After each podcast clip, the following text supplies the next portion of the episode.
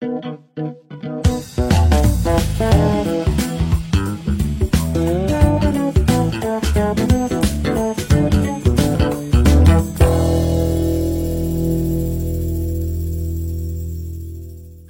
واحد معاه 3 ل5 دقايق يشرح آآ فكرته بشكل واضح. آآ لحد ما نشوف الدنيا هتوصل لحد فين، وبعد كده نتكلم على ال ال التشابه والاختلاف. فأنت ابدأ يا ماركو، وأتمنى إن أنت عندك يكون كويس، اتفضل.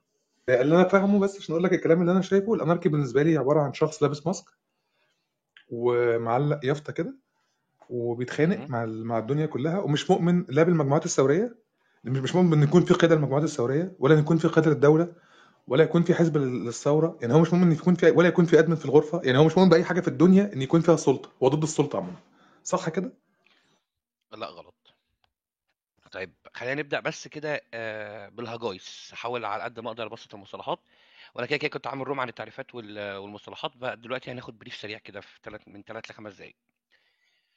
هي الأفضل ال اللاسلطوية أو كلمة الanarchism هي ال آآ الترجمة ال ال الأفضل يعني للتعبير عن تيار سياسي واجتماعي وفلسفي، أسمائه كترت جدًا ورموزه الفكرية كتير جدًا، وتجسيداته سواء في الحركات الثورية أو أو في الثورات نفسها في التاريخ كتير أوي.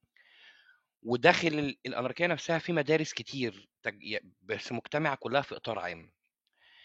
بس هي المشكلة إن هي أمّا جات اتعرّفت بالعربية أو جُم يعرّبوها، سموها بالفوضوية، وهي الترجمة أصلًا نصب الحقيقة، ما لهاش أي علاقة بالanarchism لإن كلمة anarchy كلمة يونانية أو anarchy الأصل يعني بتاعها، هي أنا يعني آآ لا وarchy يعني حُكم أو سُلطة، فهي اللا سُلطة. حتى الدليل على كده يعني إن هم كلمة أصلًا فوضى بالإنجليزية هي chaos فده دليل على النصب المحض، ودي استخدموها يعني عشان بس يحاولوا يجيبوا حالة من التنفير عند الجماهير بإن هي فوضى بقى وهنمشي كلنا ناكل في بعض و ونتعشى بكبد ال. بالضبط، حرفيًا. وال ال ال التيار ده تحديدًا ليه جذور فكرية قديمة اللي هي أصلًا قبل قبل العصور الحديثة دلوقتي دي. أهمها إن هي يعني أهم قيم عندها إنها بتعلي بحرية الإنسانية وبترفض السلطة القمعية وتنتقدها بقوة وبت وبتناضل ضدها كمان، وبتعتبر الدولة في حد ذاتها كمؤسسة هي مصدر كل شر. في الإطلاق وعلى الإطلاق. ومصدر القهر الواقع على الإنسان، وسبب استغلاله وإفساده وتشويهه كمان. وهي بت بتوعد الناس أو بت بتأمل إلى عالم يحلو من هذا ي يخلو من هذا القهر تمامًا. والاستغلال، و وإمكانية إن البشر يحي يعيشوا آآ من غير دولة متعالية عليهم ولا متسلطة عليهم أيًا ما كان بقى نظامها هو إيه، سواء اشتراكي أو ماركسي يعني تسلطي آآ سلطوي أو حتى ليبرالي، أيًا كان شكل الدولة. وفي بعض ال يعني في ناس بتشوف إن التيار ده هو الامتداد الجذري لفكرة عصر التنوير أصلًا، اللي هو ما قبل الثورة الفرنسية، وهنا ممكن ننازع بعض أنا ولبيدي في النقطة دي. واللي هو أصلًا في ال التيار ده كان كان شعاراته 3 الحرية والإخاء والمساواة. وكمان بيشوف إن إن ال ال في كتير من ال من المنظرين الأناركيين بيشوفوا إن الأناركية نفسها ليها جذور آآ ثقافية عبر التاريخ كله. وده مبحث كبير أوي، يعني ممكن آآ أذكر أمثلة تاريخية كتير أوي على مفهوم اللاسلطوية أصلًا، بس ده نخليه في room تانية. آآ خلّينا نقول إن إن ال ال ال ال الأناركية ات اتقسمت الجذور بتاعتها في ال في العصر الحديث ل3 آآ منابع في قصة القرن ال18 وال19 اللي هي السلط اللاسلطوية الفردية، اللي كان بيمثلها الفيلسوف ال الإنجليزي آآ جودن ال وال والمفكر الألماني تشاينر. وك وهي بتقوم على الحرية الفردية المطلقة. قصدك جودوين وماكس شتيرن شتيرنر ماكس شتيرنر والّا شتيرنر آه، آه ماكس شتيرنر آه. شتيرنر ماكس شتيرنر وجودوين ماشي okay كمّل. وجودوين مضبوط. آآ ودي بتبقى حرية فردية مطلقة تجاه أي سلطة أو جماعة. بس دي ما بت بتشوف إن العمل حتى كنضال ثوري آآ بشكل جماعي هو شكل مرفوض، ومن من من مثلًا من اللي نقدر نعرفهم في وقتنا الحالي مثلًا هو رفيق علاء فتاح الله يفك سجنه يعني. آآ وكمان في بقى النوع أنت اللي هو خلّيت علاء أناركي؟ خلّيت علاء أناركي؟ هو علاء أناركي والله. طيب هو بس لا، لا، ب ثوري، إشتراكي ثوري يا ابني، ماشي لا، okay ماشي، بس. بغض النظر بس ما علينا، ما محتاج أفهم علينا. الفكرة دي، هو في يعني في إمم. الآخر لو ما فيش إمم. دولة مم. ومفيش حاجة هتحكم يعني أنا أنا كده. فاهم أنا ماشي معاك لحد دلوقتي okay لسه لسه خليني بس هنعمل إيه مع بعض آه ماشي okay هقول لك هقول لك هقول لك هنعمل إيه مع بعض كل حاجة هقولها لك النهارده ما تقلقش وفي اللاسلطويه والاناركيه الجماعية اللي هي آه، أو أو الشيوعية الجماع ال- الج- اللي هي الشيوعية أصلا التحررية. وده من أشهر ممثليها هو بيتر آه، آه، كروبتكين وباكونين وبرودون طبعا. ودي مدرستي أنا ودي الأيديولوجية بتاعتي. واللي هي بتتشدد مجتمع متعاظم تتعاظم فيه الحرية ال- الفردية وتنتفي فيه السلطة القمعية تماما في إطار جماعي منظم تعاونيا. باعتبار الإنسان اللي هو في النهاية هو حيوان اجتماعي في الأصل وبيعيش بالتكافؤ الاجتماعي أصلا. مؤخرا بقى في حاجة اسمها اللاسلطويه المسيحية ودي يعني أشهرهم طبعا تولستوي اللي هو ال- ال- المؤلف الكاتب الروائي الر- الروسي المعروف يعني. عظيم أيوه. كمل. أنا بقول لك العظيم الأديب الروسي العظيم. واللي هو طبعا. واللي استلهم من المسيحية بقى حاول شوية رؤى كده للاسلطويه وبتاع. وكمان مؤخرا آه، في بقى يعني عشان هو إحنا اشمعنى إحنا؟ آه، في مفكرين آه، مسلمين عملوا فكرة كده اسمها الأناركية الإسلامية أو اللاسلطويه الإسلامية. اللي هي يا معلم؟ آه والله. لا هي لا على فكرة باي ذا واي نو واي بس أنا أعرف منهم اتنين نتطرقش والله. ليها المرة دي بس آه. لا ليها جذور في التاريخ الإسلامي الأناركية الإسلامية ثانية الأناركية الإسلامية إيه؟ أوكي. الاناركيه بس الاسلاميه مش موضوعنا مش موضوعنا ماشي ماشي عدي بس أوكي تمام. آه تمام ممكن أجيب لكم. اتنين منهم لا لا لا لا مش عايز مش عايز اتنين. لا آه لا لا لا ربنا يخليك. في قوائم دايرة والدنيا مش لبش يعني. كمل. أنا فاهم أنا مفهوم إن ال إن ال آه، آه، أنا عارف إن مفهوم أصلا ال- الأصل في الأناركية اللي هو no god no authority يعني. فأنا فاهم إنها غريبة بالنسبة لبعض الناس. بس هي مش مش مش مش نظرية ملحدة خالص. هي ما عندهاش مشكلة مع الدين أصلا. بس هو كان عندها مشكلة مع الدين في العصور الوسطى وتسلط الكنيسة مش أكتر. آه بس وده كده نقدر نقول إن هو brief سريع كده يعني يعني لو عايز لو عايزنا اطول ومعايا شوية وقت ممكن أكمل عادي يعني في منتصف آه. أكمل بس أنا أنا أنا عندي سؤالين عندي سؤالين وبعد. كده بد... عشان خاطر بس نكمل يعني. آه في نظام شايف إن هو فرداني بشكل أو بآخر إيه أها. في حاجة صغيرة عايز أقولها عشان أنكش أحمد اللي بيجي يركب معايا. وبعد كده اسأل اللي انت عايزه. في. في منتصف القرن 19 ال- اللاسلطوية الجماعية أو الشيوعية دي ظهرت بقوة جدا في في كتير من البلدان الأوروبية والأمريكية الحقيقة. وشاركت في الأممية الأولى. ها؟ شاركت في الأممية الأولى بوضوح. صح واشتبكت صح فكريا صح. وتنظيميا مع الماركسية. حقيقي. ماركس وخرج ما ممثل أو- و- و- ماركس وبرودون وماركس وممثلوها و... خرجوا. ليشكلوا الأممية الأخرى أصلا. قول قول يا أحمد اتفضل. لا أنا كنت أقول لك ماركس وبرودون وماركس وباكونين كان ليهم اختلافات في الامميه الأولى. بس يعني إحنا عايزين بس نبسط شاركوا فيها للناس ب... يعني. ب- شاركوا فيها فعلا. بس ماشي مش عايزين عايزين نبسط للناس يعني. مش عايزين ما ما طيب طيب خليني بس بشويش كده خدني برضو إيه يعني إيه يعني بص يعني بشويش في آه في أناركية اللي هي بتقول إن إحنا ضد ال- السلطة بشكل عام. ضد إن يكون في أي حاجة ماسكة ماسكة أو بتحكم بشكل بشكل عمومي. وضد يعني بس عشان أنا والله بحاول بحاول أفهمك.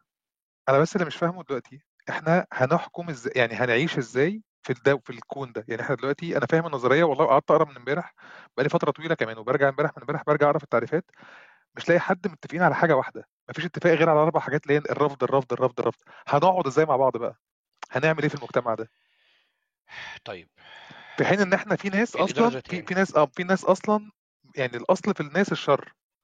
في القوانين بتحط مش مش ما أقصدش إن أنا شايفهم كده بس أصلا الناس القوانين بتحط عشان خاطر تحكم إن يكون في شخص الشخص ده لما أنت بتغلط بيوديك آه، في مكان لما لما بيكون في مشكلة بي- بيوديك يعني أنا بتكلم أنا عارف إن كلامي يبدو أبله وهو أبله بصراحة بس دلوقتي إحنا لما نغلط هنعمل إيه؟ طيب حاضر. آه، اولا قبل الغلط عشان مبحث الجريمة والعقاب ده مبحث كبير شوية ممكن نتكلم فيه عادي ما عنديش مشكلة خالص. و... لا هيطول الاصل في الإنسان الخير الاصل في الإنسان الشر. ده يا عم الاصل في في الإنسان إن هو عربية. ملاهي مش دي قضيتي. أنا دلوقتي إحنا لما حد فينا يغلط في عربيه ملاهي هنعمل إيه بقى؟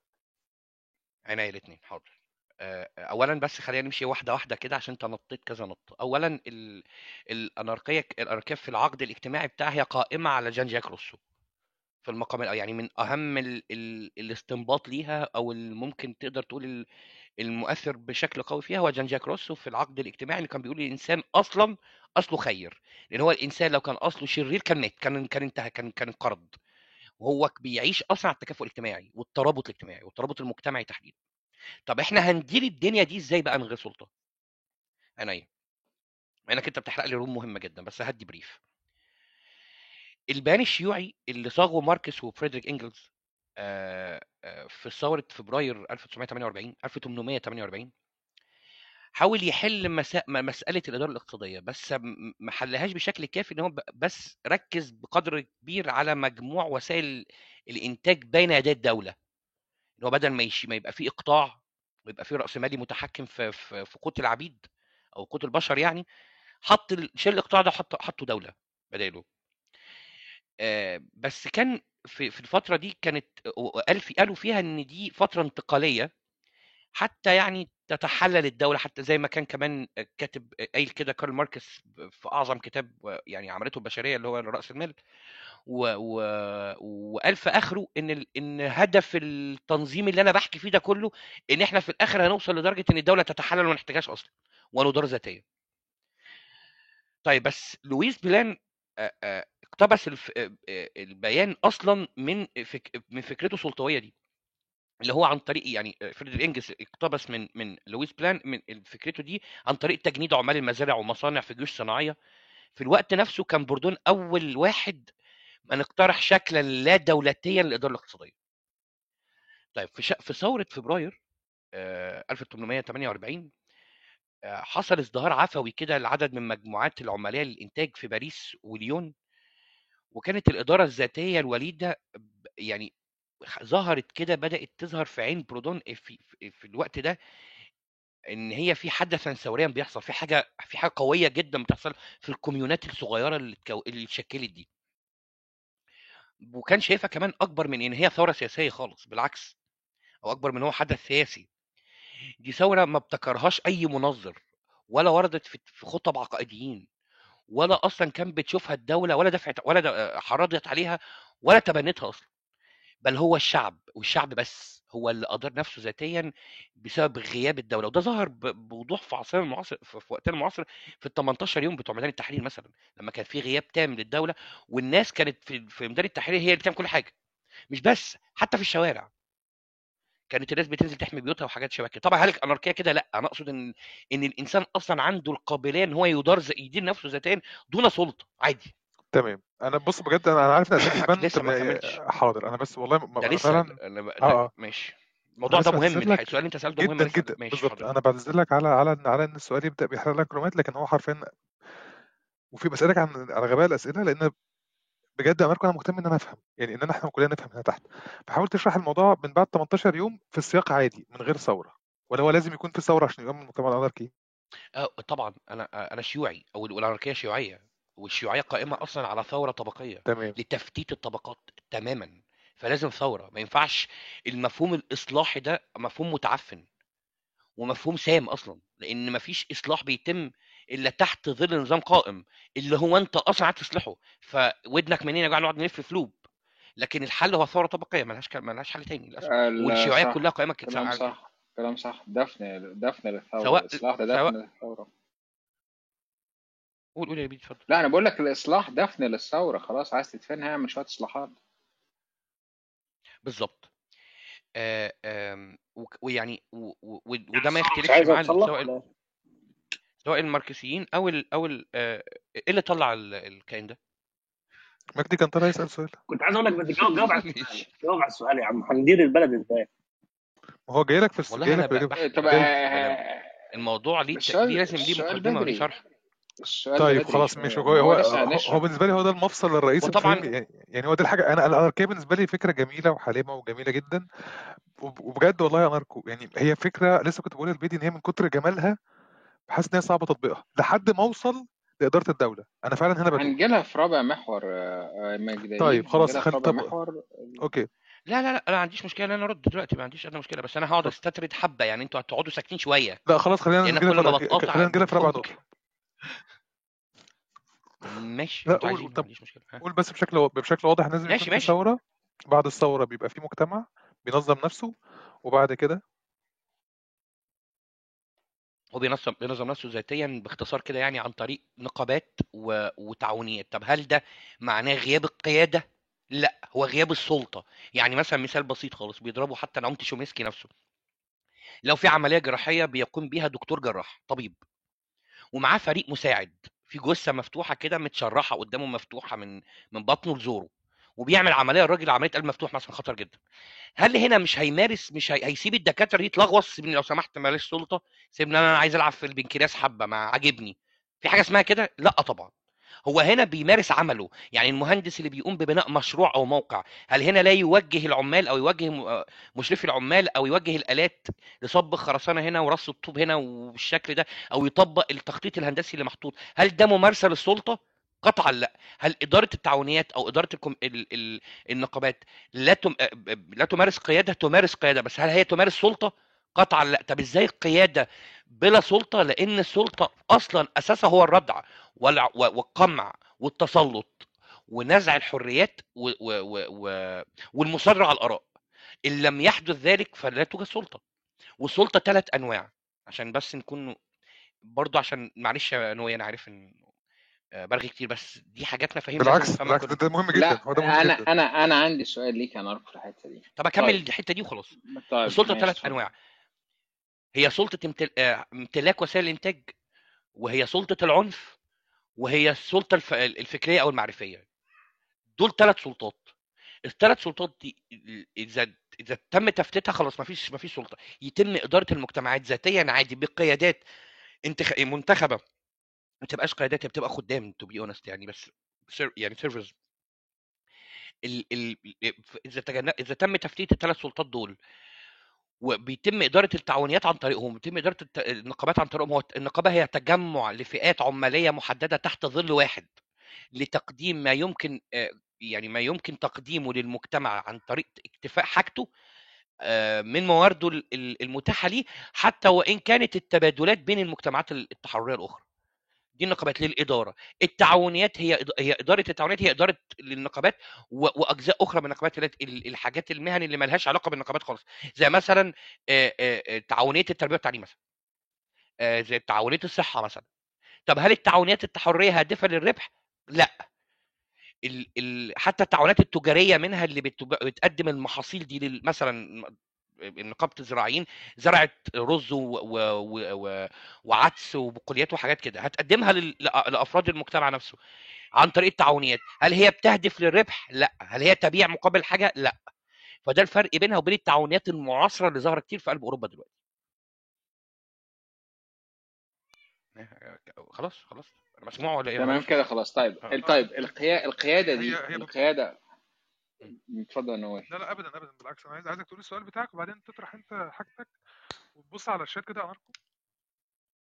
حاضر. فوق شوية. اتفضل يا احمد لا هو السؤال عن ناركو أنت دلوقتي تقول القيادة أو الخدام خلينا واقعيين. مين اللي هيحاسبهم؟ ما دام بقى دخلنا في الحتة دي بقى دام إن القيادة دي من أحد الحاجات اللي هي اللي هتبقى القيادة والحزب الثوري والكلام ده. مين اللي هيحاسبهم؟ دي رقم واحد. لأن دول يا إما منتخبين مفيش سلطة فوقيهم تراقبهم أو هتحاسبهم. إزاي ممكن آه، يتم تغييرهم؟ هل ممكن سوري هل ممكن يتم تغييرهم؟ هل ممكن محاسبتهم؟ لأن أنت دلوقتي مفيش سلطة مركزية فوقيهم. صح؟ صح ولا غلط؟ تاني معلش أنا اسف عشان كنت بقى نوي قال لي اقرا الشات أنا مش عارف أنت تقصد إيه يا, طيب نوي؟ دلوقتي ابعت لي. الرساله القيادات القيادات بتاعه ال- التعاونيات أو النقابات. في الحالة دي أنت مفيش سلطة مركزية فوقيهم. مفيش سلطة مركزية ومفيش حزب ثوري. فدلوقتي أنت إزاي هيتم محاسبتهم إزاي هيتم محاسبتهم إزاي هيتم. مراقبتهم؟ في الوضع ده. في وضع الدولة يعني إيه هيتم عشان عشان غياب القيادة فما فيش كده. ما فيش غياب السلطة هنا ما فيش مراقبة بالعكس ده الرقابة الشعبوية هي الأهم والأخطر من الرقابة العليا. بمعنى إن إن افراد المجتمع نفسه أفراد الكوميونتي نفسه هي اللي بتراقب أصلا عن عمل التعاونيات مش العكس. يعني أي خلل في آه، في في تلبية وظائف في تلبية احتياجات المجتمع فخلل في التعاونيات ده اللي بيراقب عليه هو متلقي خدمة. مش المشاهد. لعملية تقديم الخدمة للمجتمع. العكس هو أكتر حد يحس بإن في خلل حصل في المنظومة هو المتلقي. مش المشاهد أو المراقب. لأن المراقب أصلا مش المتعارف مش اللي معروف عنه دايما هو جاء نعم؟ لو المجتمع مش مؤهل لده لو المجتمع لما بيعمل ده بيضغى على بعض ما هي دي الفكرة. أنا ان أنا المجتمع حد قاطعني أنا حد قاطعني إن ولا ده صوت القطة اللي جنبي. لا مفيش لا مفيش ده مش مش ده المجتمع التحرري يا يا نوي اوت هو في ديلي عندك تقريبا. طب أنا أنا بتكلم بعديها التحرري بشوية. انت سامعني يا بنتي طيب؟ أحمد انت سامعني أنا سامعك أنا سامعك نوي سامعك سامعك. وأنا طب سامعك آه آه لك تمام. سامعني يا سامعني يا ه- أحمد؟ أنا سامعك كويس. آه سامعك كويس سامعك كويس. هو بيسألك no way دلوقتي ال- آه، المجتمع ما كانش آه، ما كانش مؤهل إن هو يراقب على القيادة. يعني في الحالة دي هتعمل إيه؟ يعني أنت قلت الرقابة تبقى ذاتية والرقابة الذاتية دي أقوى من إن يكون في رقابة من من حزب ثوري أو من دولة. فبيقول لك لو المجتمع مش مؤهل يعني ده سؤال no way ما ينفعش يبقى المجتمع مش مؤهل لأن المجتمع الاشتراكي التحرري مش هيقوم إلا بثورة طبقية أناركية فالمجتمع ده لازم يكون مؤهل لأن هو مفيش سلطة معرفية مفيش مجموعة كده هتقوم جا... أي إحنا جماعة بس يا جماعة إحنا أناركيين بقى إحنا وصلنا للسلطة وصلنا للحكم يلا أيدونا ويلا هحكمكم بالأناركية مفيش حاجة اسمها كده. المجتمع لازم يكون مؤهل لأن هو لو مش مؤهل مش هيقوم بثورة أصلا. ولما يقوم بثورة لازم تكون بثورة طبقية في المقام الأول وأما تكون ثورة طبقية وحالة الاستيلاء على الخبز اللي قالها بيتر كروبوتكين في كتابه اللي هو اسمه استيلاء على الخبز اللي هو منها الاستيلاء على الموارد والاستيلاء على الأرض وال- و- وعمل كده مجتمع مغلق مجتمع اشتراكي تحرري بكل أفراده أناركيين. فإزاي أناركي غير مؤهل لل... طيب للإدارة الذاتية؟ خلاص طب مجتمع أنا ممكن أرد على انت بيتم بشكل ذاتي؟ آه لا okay أرد على اللي تمام انت آه آه يا مش أنا تشومسكي أنا فاكر أنت بتذاكر. أنا كنت فاكر مش أنا اللي كاتب ده. مش أنا اللي كاتب ده أصلا. تمام تشومسكي بيقول إن الأناركية تتناقض مع الوصايه الفكرية لجميع المؤسسات الدينية والحكومية. ده صحيح ما هو طبيعي. ما هو ضد أصلا السلطة الفكرية. لأن الاناركيه ما أنا قلت ثلاث أنواع للسلطة يا إخوانا. امتلاك وسائل إنتاج وسلطه العنف والسلطة المعرفية اللي هي الوصايه الفكرية. ان أنا بقوم ليكم ما أرى. عشان كده لما كذا حد بيقول لي اشرح لي طب قول لي بكرة الصبح هنعمل يا عم اقرأ يا عم. أنا أنا رأيي أنا ممكن يبقى يت- لا يتفق مع رايي وممكن تقرأ نفسك أنت الكتاب اللي أنا هقراه وتكون رأي مختلف مخالف عن رأيي الأناركيين الفردانيين دول ما بيقروا نفس الكتب وشافوا إن العمل الجماعي هو أصلا ضد الفكرة وبيشوفوا إن الأناركيين اللي. بيؤمنوا بالعمل الجماعي مش أناركيين أساسا لأن هم هي... أي بيشوف كتير منهم بيشوف إن أي مجموعة تهدف إلى التنظيم لمواجهة أي جماعة أخرى هي في الأساس في المقام الأول هتمارس سلطة على بعضها. ده ده رأي الفردانيين بالمناسبة. في ال... في الأناركية بتاعتي أنا أو مش بتاعتي أنا متبنيها يعني اللي هي بتاعت باكونين وبيتر كوربيكين فاقرا مفيش حاجة اسمها قول لي طب إحنا بقى إن شاء الله كده أما العمدة والغفر يخوروا. ما أنا قريت أنا أنا قريت أنا بقالي فترة أنا بقالي أنا بالمناسبة دي دي تاني مرة أرجع أعيد قراية في الاناركيه أغلب التعريفات مش شبه بعض. طب ممكن تقول لي أنت بتقرأ لمين أصلا؟ طب ممكن عشان ممكن لك. آه طبعا. بتقرأ لا الأناركيين بس ولا بتقرأ الاشتراكيين ثوريين بيتكلموا على الأناركية؟ عشان نكون واضحين كده. على ميه بيضاء لا لا لا لا لا هي أصل هي طيف هي طيف واسع برضو هي طيف واسع جدا اناركو وأغلب الناس أغلب أغلب الناس أغلب الناس مش متفقين على يعني في تعريفات واضحة لحاجات معينة لكن الفردانيه مثلا أنت مختلف فيها عن ناس كتير. جدا.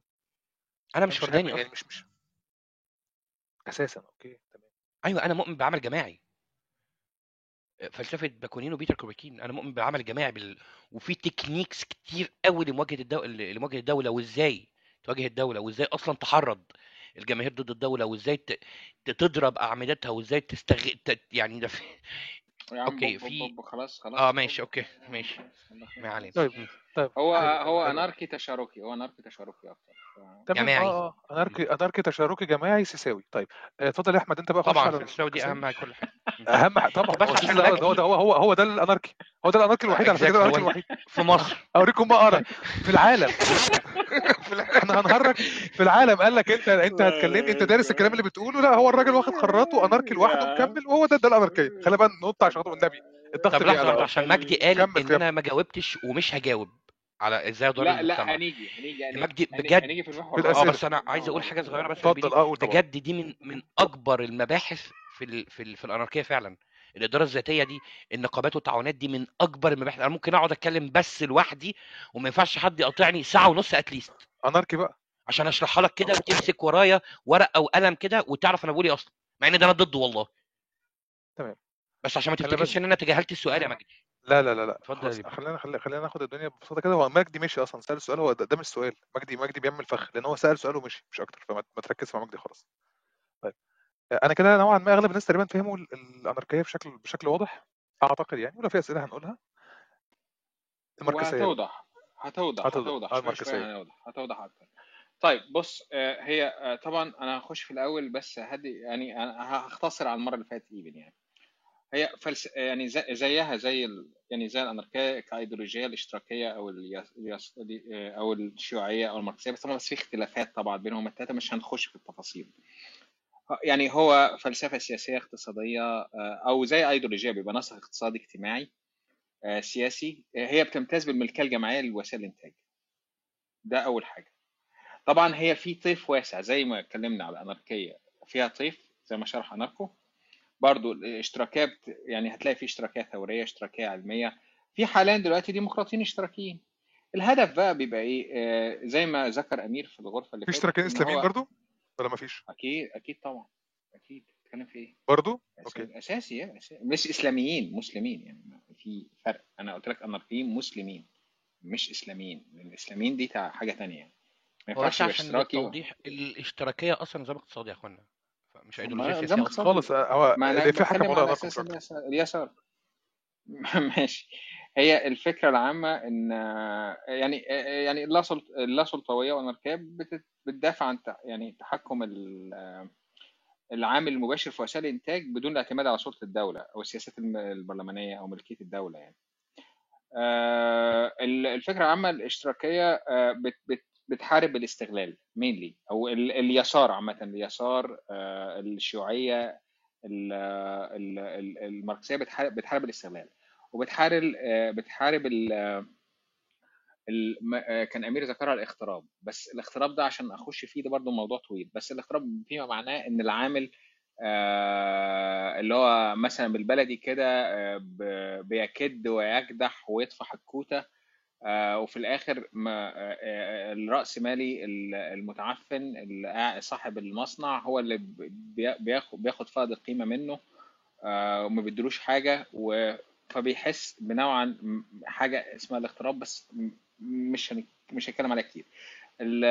مثلا الاشتراكيين دايما بيتكلموا عن إعادة توزيع الضرائب أو جدولة الضرائب أو اسمها الضرائب التصاعديه ما ينفعش واحد زي ما قلت ياخد مثلا بياخد 100 جنيه يدفع زي واحد بياخد 50000 جنيه نفس القيمة الضريبية. فإحنا بنتكلم إن مثلا إعادة هيكلة الضرائب. طبعا إحنا مشتركين مع الأناركيين في حاجات تانية كتير هذكرها حاليا يعني كمان شوية. ال- الف- الفلسفة زي ما قال برضو زي أناركو ما ذكر في آخر القرن ال 18 وطبعا وكان الخضم بقى في القرن ال 19 منتصف القرن ال 19 آه، دي مع مع ظهور الثورة الصناعية كانت رد فعل على ال- ال- النظام الرأسمالي القبيح اللي كان موجود في الحكاية دي. آه، ال- ال- الفكرة الثانية الفكرة الثانية أنا أقول لك أخش على طول في الحاجات المشتركة. الحاجات المشتركة يخش في الحاجات المشتركة الأول وبعد كده لا طب استنى طب هقول. لك هقول لك طب هقول لك بس طب حاجة تانية عشان نعرف الأممية عشان إيه؟ عشان لما اتكلمنا على الأممية الأولى والثانيه آه وراعي راعي راعي راعي بس يا جماعة ان الكلام يكون في مستوى الطالب المتوسط. يعني راعوا ان الكلام يكون في مستوى الطالب فوق المتوسط. مستوى الطالب المتخلف مستوى الطالب المتخلف. طيب ماشي. ما تقلقش. آه، هي الفكرة العامة فكرة الاشتراكية أو الأناركية يعني اللي بيتحدوا فيها يعني إن هم رفض النزعة العرقيه العرقية والتعصب القومي. دي دي حاجة دي اول تعبير عملي يعني للامميه الأولى. ال- طبعا الأممية اللي هي ال internationalism عكس يعني مش الكوزموبوليتانية أو ال- الع- العولمة اللي بيروج لها اللي هو ال neo ال neo اللي بتروج لها ال neo ليبرالية الليبراليه الجديده اللي عايزه توحد العالم بقى وتعيد تنظيمه ثقافيا واقتصاديا آه، عشان تتفق مع مصالحها وتغزو البلاد ال- بتغزو البلاد الثانية اقتصاديا وتمتص دم الغلابة يعني بمعنى أصح. لكن إحنا بنتكلم على الأممية. فكرة الأممية بتيجي بقى مع فكرة حاجة بسيطة جدا اسمها الثورة الدائمة.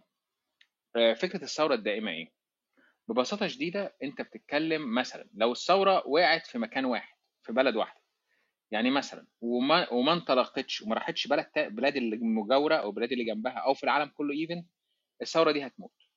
وده اللي حصل مثلا في خلال الثورة البلشفية مثلا في روسيا آه، آه، سواء الثورة اللي هي اللي في فبراير 1917 لغاية ما وصلت لل- للشيوعية في أكتوبر آه، 17 1917 ان تمت محاربتها من كل القوى الأوروبية. من سنة سب... من الحرب العالميه الأولى من 17 لحد الحروب الأهلية لحد ما خلص 1024 وستالين اكتفى بالاستالينية يعني وبدأت تطلع الاستالينية إن هي اكتفت إن هو الثورة خلاص تفضل في روسيا بس. وده كان دفن للثورة لأن هي الثورة لازم تبقى دائمة زي ما قال تروتسكي. الثورة لازم تكمل تبقى بلد وشوفنا الكلام ده في الربيع العربي وكنت ذكرته إن مثلا الثورة كانت في تونس بعد كده ليبيا أو الانتفاضات يعني بلاش ثورة عشان أنا ما بحبش أعرف 25 يناير بأنها ثورة بس إيه الانتفاضات والحركات الاحتجاجية الكبرى اللي حصلت كانت في كذا بلد. في بلاد ما ظهرش فيها حاجة زي كده فالبلاد دي قوى رجعية بتدعم قوى الثورة المضادة اللي موجودة في البلد اللي حصل فيها احتجاجات آه، كبيرة أو حركات انتف... وحركات احتجاجية كبيرة وانتفاضات كبيرة. تدعمها وبتقضي عليها. فلو الثورة ما كانتش دائمة والثورة ما كانتش في كل البلاد المجاورة ففي الحالة دي في الحالة دي الثورة دي هتموت. دي فكرة الأممية ببساطة شديدة. عشان كده كنت بقول يا نووي في الروم الأولانية إن إن فكرة يقول لك ربيع دول أوروبا الشرقية ربيع أمريكا اللاتينية. لأن ما ينفعش فكرة الربيع يعني أو الثورات تبقى في م- في دولة واحدة أو مدينة واحدة. ما ينفعش. لازم تبقى في كل البلاد. هدي هدي بس رأيي في الفكرة اللي هي إيه يعني إحنا يعني إحنا والرفاق الاناركيين متفقين مع بعض مثلا في رفض الديمقراطية بالشكل الحالي. الديمقراطية بالشكل الحالي دي بت... يعني هي عبارة عن زي زي ما زي ما ذكرت ولا ان هو أنت فتحت المايك. عايز تقول حاجة؟ لا لا خالص. أنا بسمعك عشان بس مستني بس أنا آسف. طيب ماشي. يعني الديمقراطية بالشكل الحالي دي بتمثل آه، هي بتمثل في قدامك نخب سياسية هي بتمثل نخب اقتصادية أو شركات. زي ما قلت في الروم الأولانية برضو إن أنت بتشوف مثلا آه، بقت الموضوع عبارة عن آه، يعني شبه وراثة مثلا. من أكبر الديمقراطيات في العالم مثلا أمريكا ما يسمى بالديمقراطيات يعني. جورج بوش مثلا دبليو بوش جه مكان ابو يعني جه منتخب ديمقراطيا مكان أبوه اللي هو جورج دبليو آه، جورج بوش الأب. آه، شفنا هيلاري كلينتون تترشح على الحزب الديمقراطي آه، آه، اللي هو كان فيه جوزها رئيس بيل كلينتون. آه، وقلنا ميشيل أوباما هي بتفكر وبتعمل كتاب Becoming وعايزة تبقى اللي هو جوزها باراك أوباما اللي هو حاصل على جائزة نوبل 2009 آه، شوف أو 2010 مش متذكر بالظبط. آه، مثلا شفنا في كندا آه، جاستن ترودو آه، ابن الزعيم التاريخي رئيس الوزراء التاريخي لكندا بيير ترودو. فإحنا ده اللي شايفينه ده اللي شايفينه في الموضوع ده. الحاجة ال- الحاجة الثانية إن ال- ال- الديمقراطية بالشكل ده آه، الديمقراطية ما بتمثلش الشعب. ما هياش ديمقراطية أثينا اللي هي كانت من 2000 سنة الأساس اللي هي ديمقراطس حكم الشعب.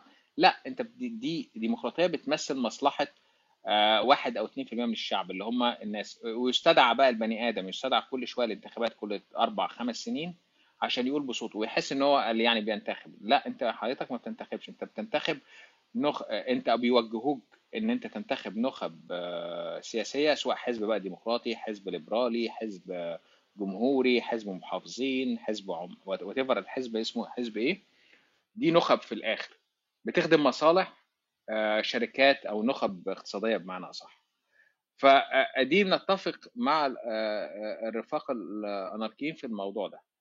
آه، نتفق معهم أيضا في آه، إيه تاني أناركو؟ في طبعا رفض اقتصاد السوق والكلام هو اللي بيحصل في آه، اللي ما يسمى باقتصاد السوق الحر وال- والرأسمالية والكلام ده إحنا بنتفق معاهم فيه.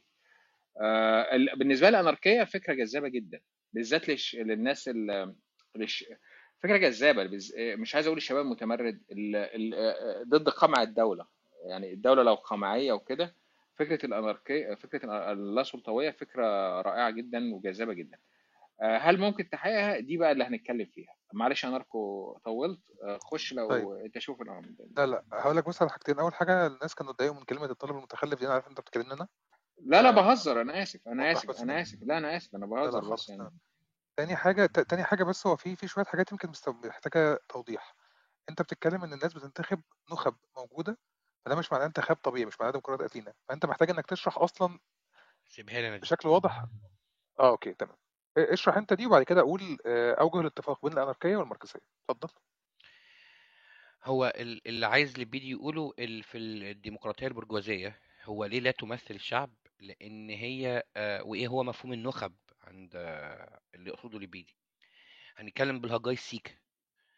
آه، لو قلنا مثلا إن في واحد في أحد العمال آه، هو فيلسوف جدا عامل مصنع هو على فعامل عامل إنتاج قاعد على خط إنتاج. بس هو صاحب نظرية اقتصادية مختلفة تماما. ونظرية اقتصادية أكثر فعالية لحل أكبر المشاكل اللي بتعيشها الدولة اللي عايش فيها.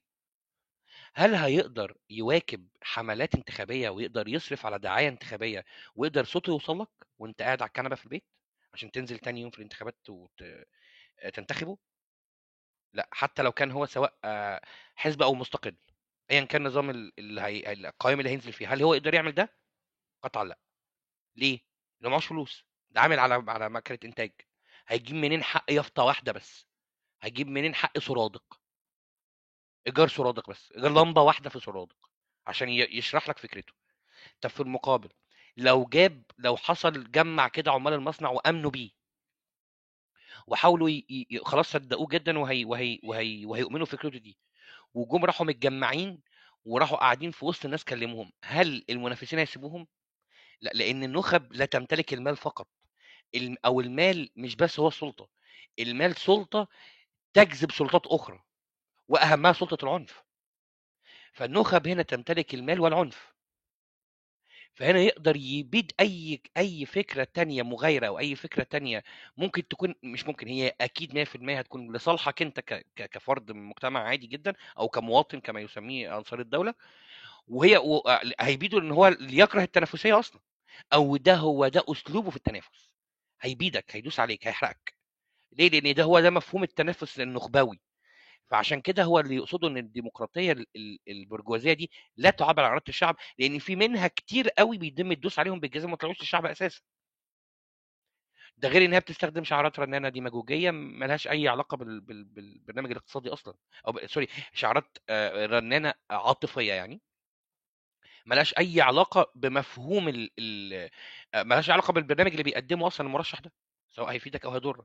غالبا في بعض في أغلب الأحيان بنسبة 100% أو كما يؤمن الاناركيين إن هم هي... هيبيدوك هي... يعني هيضروك هيضروك ما حدش فيه افاده خالص. طيب التوافقات أنا مسموع طيب في صوت عندي ولا إيه الأخبار؟ ممتاز تمام مسموع ممتاز. تمام. أنا بس عايز أقول الناس آه، ترفع إيديها إحنا هنطلع الناس بس لما الناس تخلص المشاركات. تاني حاجة الشات يا جماعة مفيش مشاكل فين الناس بتهزر أو بتسف شوية بس يا ريت نهدى شوية على بعض. كمل ما عنديش مشكلة ما عنديش مشكلة. الأناركية كويس. لو عندك 17 سنة دي دي دي كلمة جميلة جدا وأنا يا ريتني أفضل عندي 17 سنة. بس ده لو تقصد إنها طفولية فتعالى نتناقش ونشوف مين الطف- الطفل في الحتة دي تحديدا سياسيا يعني. تمام. آه التوافقات. التوافقات بين ال- الماركسية هو الحقيقة ال- ان ال- ال- الاشتراكات التحررية أو الاناركيه هي شيوعية في المقام الأول و... و... وفي كتير من كتاب يعني هو أنا بشوف إن أعظم كتاب اتوجد على كوكب الأرض كتبه بشر هو ال... ال... كتاب رأس المال لكارل ماركس بدون. بدون منازع هو الكتاب الأعظم في تاريخ البشرية أصلا طب آه، التوافقات بين الماركسية وبين الأناركية مثلا في إن هي بتقوم في المقام الأول على أساس ثورة طبقية ما بتنظرش الاصلاح أساسا. و... و... وحتى لو كانت فشلت الماركسية تاريخيا في إنها تبقى يعني فده بسبب التسلط مش بسبب ضعف الفكرة لأن الأناركيين اشتراكيين في المقام الأول يقول اشتراكية نظرية اقتصادية آه بس الاشتراكية نظريه اقتصاديه فقط فالأناركيين وال... والماركسيين اشتراكيين بس تطبيق الاشتراكية والرقابة عليها بيختلفوا فيها في السلطة مش أكتر يعني النزعة بين الاشتراكيين والماركسيين الأناركيين والماركسيين هي السلطة. والأممية طبعا في المقام الأول لأن الامميه دي الفكرة كارثة. كمان الفكرة آه. كمان آم، هي تقسيم المجتمع على أساس طبقي مش على أساس آه، أو هوياتي. يعني الفكرة العامة اللي كنت ذكرتها المرة اللي فاتت معلش نسيتها. الفكرة العامة إن أنت ما ينفعش مثلا آه، اللي هو التقسيم الهوياتي أو التقسيم الأفقي للمجتمع إن ده مسيحي ده مسلم ده لا ديني ده بوذي ده بهائي ده عربي ده كردي ده أمازيغي الكلام ده. دي تقسيمات هوياتية أو تقسيمات أفقية. إحنا بنقسم المجتمع تقسيم طبقي في طبقة آه، مثلا آه، برجوازية آه، أو طبقة مستغلة وفي ناس مستغلة آه، اللي هي البروليتاريا وات أو الطبقة الكادحة فهي التقسيم طبقي. في الحالة دي الطبقة ال- ال- ال- الكادحة دي ممكن يبقى فيها مسلمين ومسيحيين ولادينيين وبوذيين وبهائيين وات بقى ولادينيين وكل الناس.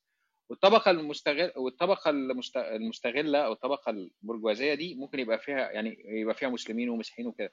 يعني ممكن يبقى واحد مسلم مثلا في طبقة صاحب مصنع ظالم عمال مسلمين ومسيحيين ولادينيين مثلا. فالطبيعي إن ال- ال- المسلم والمس... الناس المظلومين المسيحيين العمال المسيحيين والمسلمين واللادينيين لازم آه، لازم يتحدوا مع بعض عشان ياخدوا حقهم من الظالم اللي هو ممكن يبقى مسلم ممكن يبقى مسيحي ممكن يبقى لاديني وات ممكن يبقى إيه. فإحنا من دي التقسيم الطبقي للمجتمع هو ده الصح. لكن هتقسم للمجتمع آه، على أساس عرقي وعلى أساس ديني وعلى أساس ده آه، ده بقى اللي هو ما يسمى بسياسة فرق تسد أو آه، اللي هي اللعب على الصراع الهوياتي اللي بنشوفه. في نقطة ثانية سواء الماركسية وال- والأناركية بيتفقوا فيها إن هي ملهاش ملهاش عداء مع الدين. يعني إلا طبعا في مرحلة اللي هي زي ما قال أناركو تسلط الكنيسة في أوروبا في القرون الوسطى ولغاية ما ربنا يعني إيه فك عليهم الموضوع ده. آه، لكن الفكرة العامة ان إن ما لا تصادم مع الدين لأن بالنسبة لهم آه، صراع مملكة السماء يعني ما يسمى بصراع مملكة السماء ده صراع أساسا لا يشغل بالهم. هم عايزين ينقلوا مملكة السماء أو الجنة تبقى على الأرض للناس. الناس الناس الغلابة تاخد حقها على الأرض. هو آه، هو هو بس خليني آه، أكمل في التوافقات وحتة الدين دي مهمة جدا الحقيقة. و... وأنا مش هنكر إن أعظم منظري ال- الأناركية والماركسيين كمان كانوا كلهم ملحدين. مش مش معظمهم هم كلهم كانوا ملحدين. و... و... آه، ماركس كان ملحد. باكونين كان ملحد وصارم في الحده بيتر كروبيتكين كان ملحد شرس. شوبنهاور مثلا كان ملحد شرس. فهل ده إيه إيه كان هل ده ليه متلازمة تاريخية؟ آه. هل ال... ال... الماركسية أو ال... أو الأناركية تدعو للالحاد لا. تمام؟ وده هن ممكن نجي له في حتة الدين. بس خلينا نكمل التوافقات اللي بيدي يبقى إحنا قلنا التوافقات إن إحنا بنقول بين الماركسية والاناركيه إن إحنا إحنا الاثنين بن... بنهدف لثورة طبقية في المقام الأول. إحنا الاثنين بن... بننادي بالاشتراكية شيوع وسائل الانتاج إحنا الاثنين ضد ال- ال- الدولة بشكلها الحالي. شكلها الحالي. إحنا الاثنين متفقين على مفهوم السوق. والقيمة والعملة. ودول أهم ثلاث محاور في أي نظام اقتصادي. هو السوق في ال- في الماركسية أو الاناركيه وال- والأناركية يعني. هو في مفهوم القيمة في الماركسية والأناركية. هو مفهوم العملة في الماركسية والأناركية. العملة دي تحديدا ممكن ننازع بعض فيها. في إن أنا بهدف في المجتمع الأناركي لاندثارها بعد ما نحتاج ليها تاني. أو إنها لا تكون ما تكونش هي مقابل للحصول على قوتك أو على احتياجاتك أو على أكلك وشربك ومسكنك وملبسك دي حقك ده حق طبيعي. الاشتراكيين بيشو... الاشتراكيين كلهم بيشوفوا إن دي حق طبيعي مش حق تكتسبه مقابل أي أجر يعني بأجر أصلا. عشان كده ال- الأناركيين بيهدفوا في المقام الأول إلى مجتمع لا يتم التقاضي فيه بأوراق أو بعملة. إن أنت مثلا ال ال آه، آه، أو المقايضة سوري مش التقاضي المقايضة فيه بعملة ليه؟ لأن أنت هتاخد أكلك وشربك ومسكنك وخدماتك وتعليمك وصحتك كل حاجة دي بدون مقابل هتحتاج العملة في إيه؟ العملات هنا هتكون في في التبادلات التجارية الأخرى مع المجتمعات الأخرى لكن داخل المجتمع أنت مش هتحتاج العملة أصلا واكتناز عشان كده بن- بنهدف لاندثارها تماما لأن اكتنازها. هيكون لك سلطة الثروة تساوي سلطة لأن المال يشتري الع... يشتري سلطة العنف ويشتري السلطه الف... المعرفية فضاع المجتمع الأناركي خالص. دي دي طيب. باختصار كده التوافقات بيننا يعني. الاختلافات بقى. طيب وأنت البدي عن- عندك إضافات يا البدي على الكلام اللي هو قاله؟ لا لا تمام. لا زي الفل. ال- طيب يبدا بس الاختلافات بس الأول. بس مو... ماشي اتفضل. ابدا أنت الاختلافات البديهيه قصدي لا لا لا خليه هو عشان يبقى كده الدنيا إيه رايحه جاية عشان طيب. هو اللي هيشوط في طب هو ال- ال- الناس الناس الناس بس يمكن شوية تحت في ناس عارفة الكلام ده فهو شايفين إن الكلام ده كلام عمومي جدا. بس الكلام العمومي مهم والله يا جماعة المهم إن إحنا نشرح يعني ناخد بعض مع بعض بشكل واضح يعني. ما أنا قلت. أنت أنا قلت أشرح بوضوح أنتوا قلتوا ادونا لا لا لا لا الف... واتكلم القشر في الأول هنغوص شوية بس هو في الآخر عشان خاطر في ناس متضايقة إن الكلام آه، متضايقين وحتى كانوا سألوك أنت بتتكلم على نوع من الأناركية أو بتتكلم على إيه في الأناركية فانت رديت على ده في الأول. فخلينا بس بشويش كده عايزها تاني عادي أنا بتكلم على الأناركية من ناحية من منظور آه، باكونين وبيتا كروبيتكين وبوردون دي اللي هي ال ال أو برودو زي ما بيقولوها الفرنساويين برودو كده اسمه آه، آه، وهي ال- الأناركية الجماعية أو المؤمنة بالعمل الجماعي مش الفرداني ومش ال ال الراجع لأن في في اناركيه بتدعو للعودة إلى الكهف وضد التكنولوجيا وضد أي حاجة ت- آه، ليها علاقة بال- بال- بالتقدم أصلا. ليه؟ لأن شايف إن ده أثر الإنسان ويتحكم فيه. قال لا أنا مش مع ده خالص. أنا مع استغلال ده كويس قوي لتطويع فكرتي كمان. طيب ابدأ أنت قول اختلافات يا البيدي لحد ما هو يبدأ يخش معاك. ولا هو يبدأ يخش الأول؟ آه، ممكن ناخدهم نقطة نقطة بس يعني واحدة واحدة. فكرة إن ال آه، فكرة عدم وجود قيادة آه، أو يعني آه، عدم وجود حزب ثوري أو عدم وجود قيادة. طب اللي مع بيجي إن معلش في في حاجة مهمة قوي في الشات أنا آسف أنا آسف إني قطعتك والله. اللي هو أنت قلت إن ال ال ال الماركسية لا تتقاطع مع الدين إلا بس في ال- في العصور الوسطى أو أو أو الدين الكنسي القديم اللي كان بيبيع صكوك غفران وكده. ممكن تسمح لي أرد على الحتة دي معلش؟ يا لبيب؟ أوضحها؟ ألو؟ آه تمام. آه...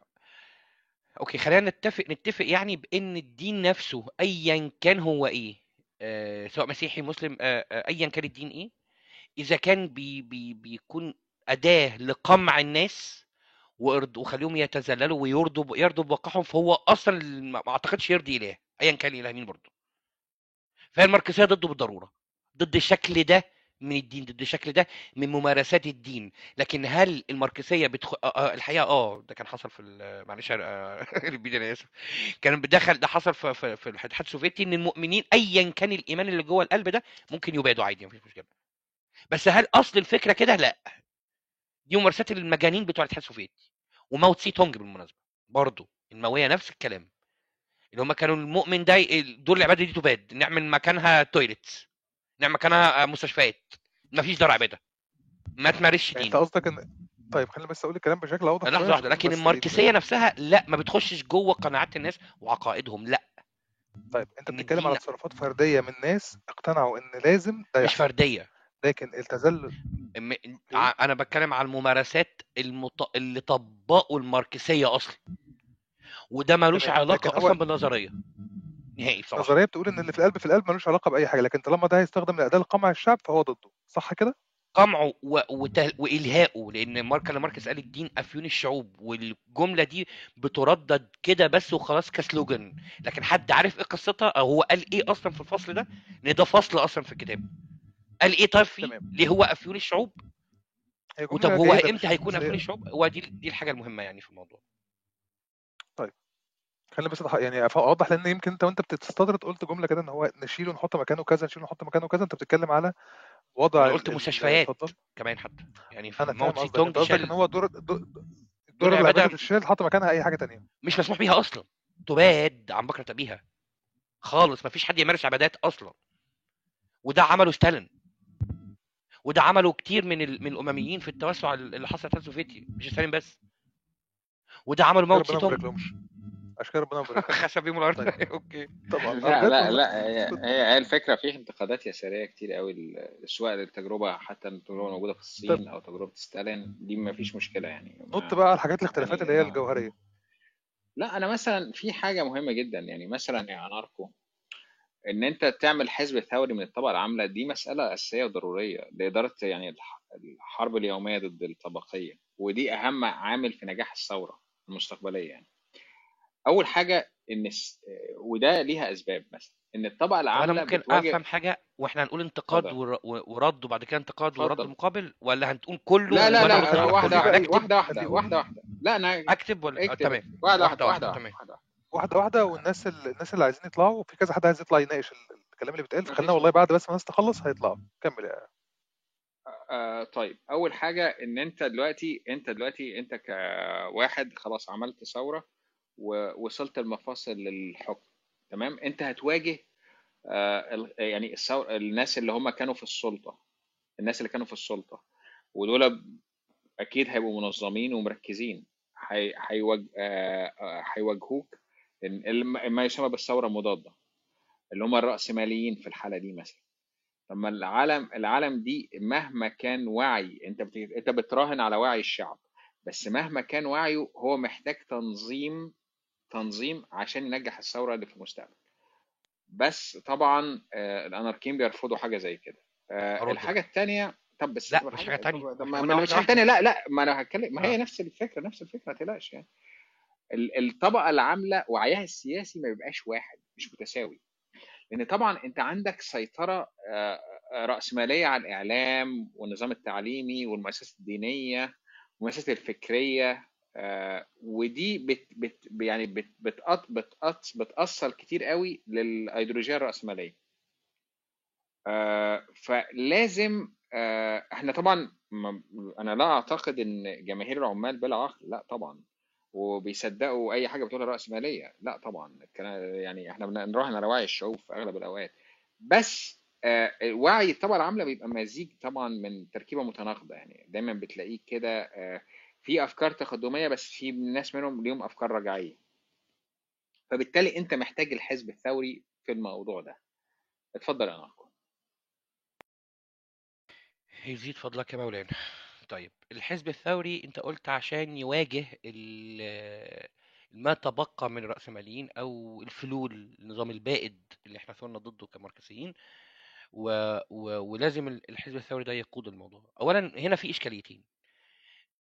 لأ ال- الثورة ال- ال- البيان التأسيس أصلا للينين كان ما كانش ده بيانه أصلا بصراحة للحزب الشيوعي الث- الثوري اللي قام في روسيا يعني أو في الاتحاد السوفيتي. واصلا الموضوع قائم على تأميم الرأسماليين دول فأنت كسرت شوكتهم أساسا خلاص هيعملوا لك إيه؟ الحزب هنا هو ما هو إلا أداة للسلطة هو ممارسة للسلطة هو تجسيد حرفي للسلطة. فهنا دي أزمة الماركسية بالنسبة لي إن هي تجسيد حرفي للسلطة بمنتهى القمع والقسوة. وكمان إنك أنت تعمل حزب ثوري كده حزب قائم ما بين السلطة ما بين سده الحكم أو اللي على رأس الحكم. وبين الطبقات الكادحة ده ما ما هو إلا طبقة من ال... ده بيخلق لك طبقات طفيلية أو أفراد طفيليين منتفعين انتفاع مباشر عن طريق توصيل ال- ال- الموارد ما بين الحكم للطبقات الدنيا وده بيخلق انتفاع. مهما كان النفس البشرية بتنتفع بشكل طبيعي. لما بيتاح ليها الفرصة بتنتفع. فده خلق لك أصلا برجوازيين. يعني المجتمع ال- المار- الماركسي أو المجتمع الشيوعي في الاتحاد السوفيتي كان في كتير منه برجوازيين. حتى لو كان الطابع بتاعه شيوعي أو أو تحس إن هم كده في شيوع لوسائل الإنتاج في شيوع لل- للأجور وفي تساوي في الفرص بس هو كان برجوازي جدا. كان نافعي جدا في المقام الأول لأن هو خلق طبقة في النص كده منتفعة بشكل كبير وهي طبقة السياسيين. المتحدثين لل- للجماهير ال- ال- المقترعين اقتراع سري. فدول ده عمل نفسه طبقة طفيلية. القيادات بقى وتوجيه ال- الجماهير بشكل يعني أنت محتاج تمتلك وسائل الإعلام عشان توجههم وتن وتنمي أو ترتقي بوعيهم ما هي دي السلطه المعرفية أساسا. ودي ودي أساس من من ده من أدوات السلطة من أهم أدوات السلطة اللي بيقوم ضدها أصلا الأناركيين. عشان كده إحنا الم- ال- الماركسية المط... اللي تم تطبيقها أو الأناركسية الماركسية الواقعية الحالية يعني حتى المتبنين الفكرة الغير مطبقة على أرض الواقع المنظرين ليها هم سلطويين في المقام الأول. هم يتبنوا المفهوم ال- ال- آه، السلطوي للحزب الشيوعي ال- ال- الممارس للسلطة وهم يتبنوا آه، آه، امتلاك وسائل ال- الإنتاج آه، في إيد الدولة. آه مش في إيد الأشخاص هم بيتكلموا في شيوع ملكيات ملكيه وسائل الإنتاج بس في إيد الدولة في المقام الأول. فده هنا احتكار لوسائل الإنتاج. وكمان احتكار للعنف في إيد الدولة ودي سلطة. وكمان السلطة المعرفية عن طريق التوجيه. وده اللي عمله بالمناسبة هتلر بآلته الإعلامية وده اللي عمله ستالين بآلته الإعلامية وتوجيه الناس لل- للإبادات عادي والتصالح معاها. وحول ال- ال- الجنود دول لأدوات قتل. وهم آلات قتل في الحقيقة. فعشان كده إحنا ضد ده. الاختلاف من عندنا بقى. وهو اللي بيشاع اللي بي بي بيقولوه الماركسيين وهو شعار مجرد شعارات رنانة إن دي مرحلة انتقالية وهي عمرها ما انتهت على مر التاريخ المرحله الانتقاليه المزعومة اللي بيدعوا ليها دي وهي مرحلة ديكتاتورية البروليتاريا إن إحنا نوصل إن الطبقة الكادحة دي توصل لسدة الحكم وتمارس وتمارس مش بس بيقولوها كده لأ تمارس ديكتاتوريه البروليتاريا ليه؟ للح... للتخلص من ال- ازلام النظام السابق والوصول إلى الاشتراكية بش... بكامل بش... بكامل صورها وبعدين خلاص يا جماعة إحنا هنتنازل عن الحكم بقى مش عايزه. ودي مرحلة انتقالية خلاص كده. والى ان تتحلل الدولة كما قال كارل ماركس في كتاب رأس المال. وده كلام فاضي. لا يمارس أصلا الكلام ده الكلام ده يعني أبشع ما يكون لأن ديكتاتورية بريطانيا دي هي أقصى درجات القهر والظلم لأن إحنا زي ما قلنا إن الاشتراكيه دون تحررية كما قال باكونين يعني هي هي هي سلط هي هي تسلط وقمع وحرية دون اشتراكية هي عبود... سوري هي تسلط وعبودية. و... و... و... وحرية دون اشتراكية هي بربرية و... وحيوانية فال... فالانتقاد الأهم للاشتراكية الماركسية هو ديكتاتورية البروليتاريا آه، لو مش عارفين يعني إيه بروليتاريا اكتبوا في الشات ممكن أشرحها أو لبيب يشرحها ما عنديش مشكلة. اتفضل ماشية يا طبقة كادحة ماشية. لا بس هي الفكرة العامة البروليتاريا باختصار كده هي في جملة واحدة بس. هو أما ال- الإنسان اللي بيمتلك آه، آه، لا يمتلك قوت يومه فبيضطر يبيع يضطر يبيع قوته العضلية أو قوته الفكرية للحصول على قوت يومه. بس. نقطة. هي دي بروليتاريا باختصار أهو. ما يبقاش كلام مج- مجعلص. طبقة كادحة. اللي ما بيمتلكش أدوات إنتاجه. آه طيب دلوقتي أنت آه يعني أنت بتقول يعني أنا أنت بتقول ده كلام فاضي بس أنت مش شايف إن تصور تصور أناركي تصور رومانسي شوية إن كل المشاكل هتتحل بالنوايا الحسنة بعد اليوم العظيم وانتصار الثورة؟ آه انت عندك معضلة عندك ملايين من العمال والفلاحين اللي شاركوا في الثورة عشان يغيروا المجتمع. هل هم هل وعيهم السياسي والاجتماعي ناضج؟ هل آه هل يعني انت شايف في يوم واحد عملية التحول دي هتبقى هتخلق هتتعمل في وقت واحد يعني في يوم واحد؟ انت لازم يعني هتجد يعني بعد حتى ما توصل توصل للحكم بلاش الحكم. توصل لمقاليد السلطة وات أنا عارف آه ما أنت ما عندكش سلطة. أو ما ما يعني أنت خلاص أنت مسكت مفاصل الدولة ماشي والله عايز أجيبها لك بس. ماشي ماشي ماشي.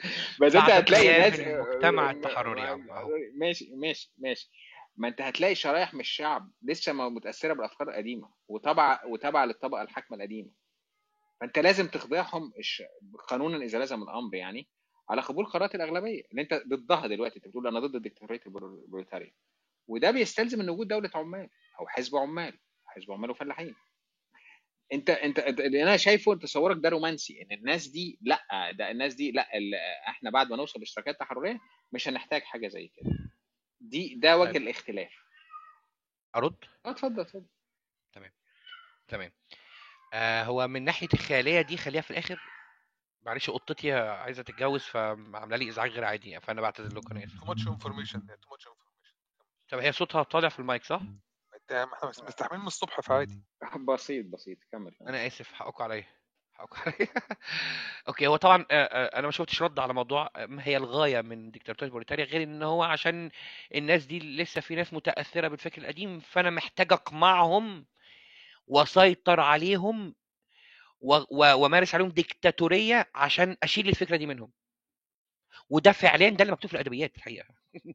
يعني اللي بيدي ما كذبش. ودي أزمة الديكتاتورية البريطانية لأن هي أصلا أداة قمع. يعني أنا بشيل ناس مقموعين بحطهم يقمعوا الناس. تاني فلوب بقى نفضل فلوب. والناس المقموعة دي تكون مجموعات وتقوم ثاير عليهم وتقوم عشان تقمع هم. تاني. فبؤس حقيقه ديكتاتوريه بريطانيا طيب الحلم بقى بالنسبة لي. أنا هقتبس يعني أربع واحد اتنين تلاتة أربعة أربع سطور ونص من كلام آه، آه، آه، بيتر كروبتكين فلو سمحت معلش هقرأهم وبس مش هرد على موضوع الحلم ده تاني. سيتهمنا الكثيرين بالخيالية.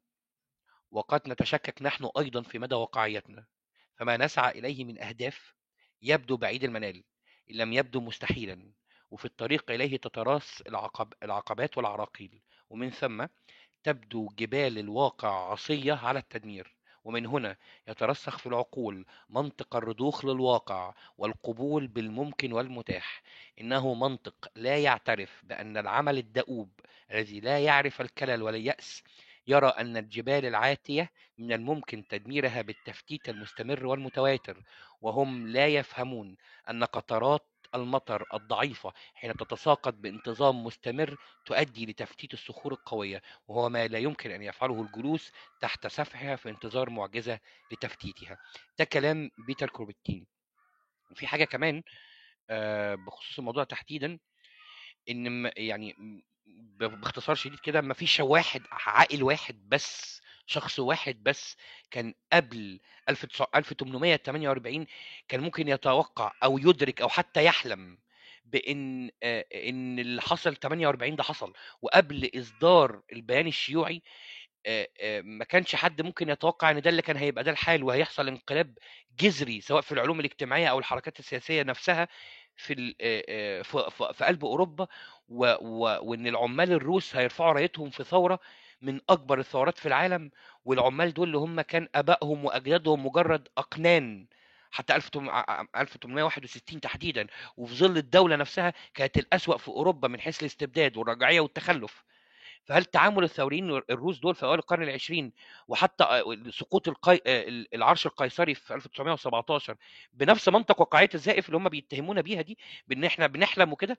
ولا كان بموقف منطق مختلف ساعدهم في الانتصار؟ بصرف النظر عن نوعية الانتصار ده وإنها لم تكن الثورة الروسية دي أساسا من حلمت من حملت رأية. رأية الماركسية أصلا فكانت حملتها مش بس هي بس ده حملتها ثورات كتير وحركات. كثيرة حوارات ثورية كتير قوي في القرن العشرين والماركسية نفسها ما سقطتش بسبب إنها حملت الراية دي وإنما سقطت بسبب تفسيرهم السلطوي واللينيني مش أكتر وإن هي رسخت الجهد اللاسلطوي والماركسية والنضال والماركسي والنضال نفسه كمان الملحمي للماركسيين سواء في ميدان العلوم الاجتماعية والحركات الثورية زي ما قلنا اللي هو ما زال قائم لحد النهارده وقوي ومؤثر و- و- ونجاحاته متوالية وما زال الحلم اللاسلطوي الشيوعي ان بنتمي له جليا وقويا برغم ما تواجهه من صعوبات. والشيوعية اللاسلطويه نفسها كانت يعني توارد فعل الاصلاح يعني يعني كانت بتندثر وبتخسر وبتموت بسبب الفكر بفكر بسبب الفكر الإصلاحي أو بالفكر اللينيني الفاشي. فهي بعثت من هل قامت من موتها تاني عن طريق كتير من الامريكيين أنت بتو- بتوصف اللينيني بالفاشي طبعا. لا ما ينفعش. لا ما ما ينفعش معلش ما أنا مش قصدي الفاشي خليه يكمل مش قصدي الفاشي من من منظور من, من التعريف اللي هو على موسوليني يعني fascist لا لا لا. اصل هو ال- الفاشي المتسلط الغاشم ال- القمعي الديكتاتوري ال- ال- اللي هو التمثيل الحرفي لسلطة يا الديكتاتوريه ريتك ما فسرت. يا ريتك ما كان فسرت. والله يا ريتك ما فسرت. كمل. تمام هو ده بس ال- ال- اللي أنا كنت عايز أقوله ان كل اللي علينا نعمله بس إن إحنا نتعلم من التاريخ إزاي نغير واقعنا. وهل هو دوره بالفعل إحداث ت... ال... ال... إن إحنا نستنى التغيير يحصل ولا إحنا بس اللي اللي قادرين تغيير واقعنا فاتهام المارك... الأناركية بإن هي حلم الحقيقة ده يأس وانبطاح وخضوع لواقع كلنا كارهينه. بس it. طيب اتفضل يا البيت لا الحقيقة في مجتمعات كتير كانت يعني المجتمعات ال... يعني زي ما اتكلمنا في ال room اللي فاتت يا ال- المجتمعات ال... ال... مش من أول ما قبل الزراعة ومن عشرات آلاف السنين المجتمعات تعتبر كانت مجتمعات أناركية أو لا سلطوية.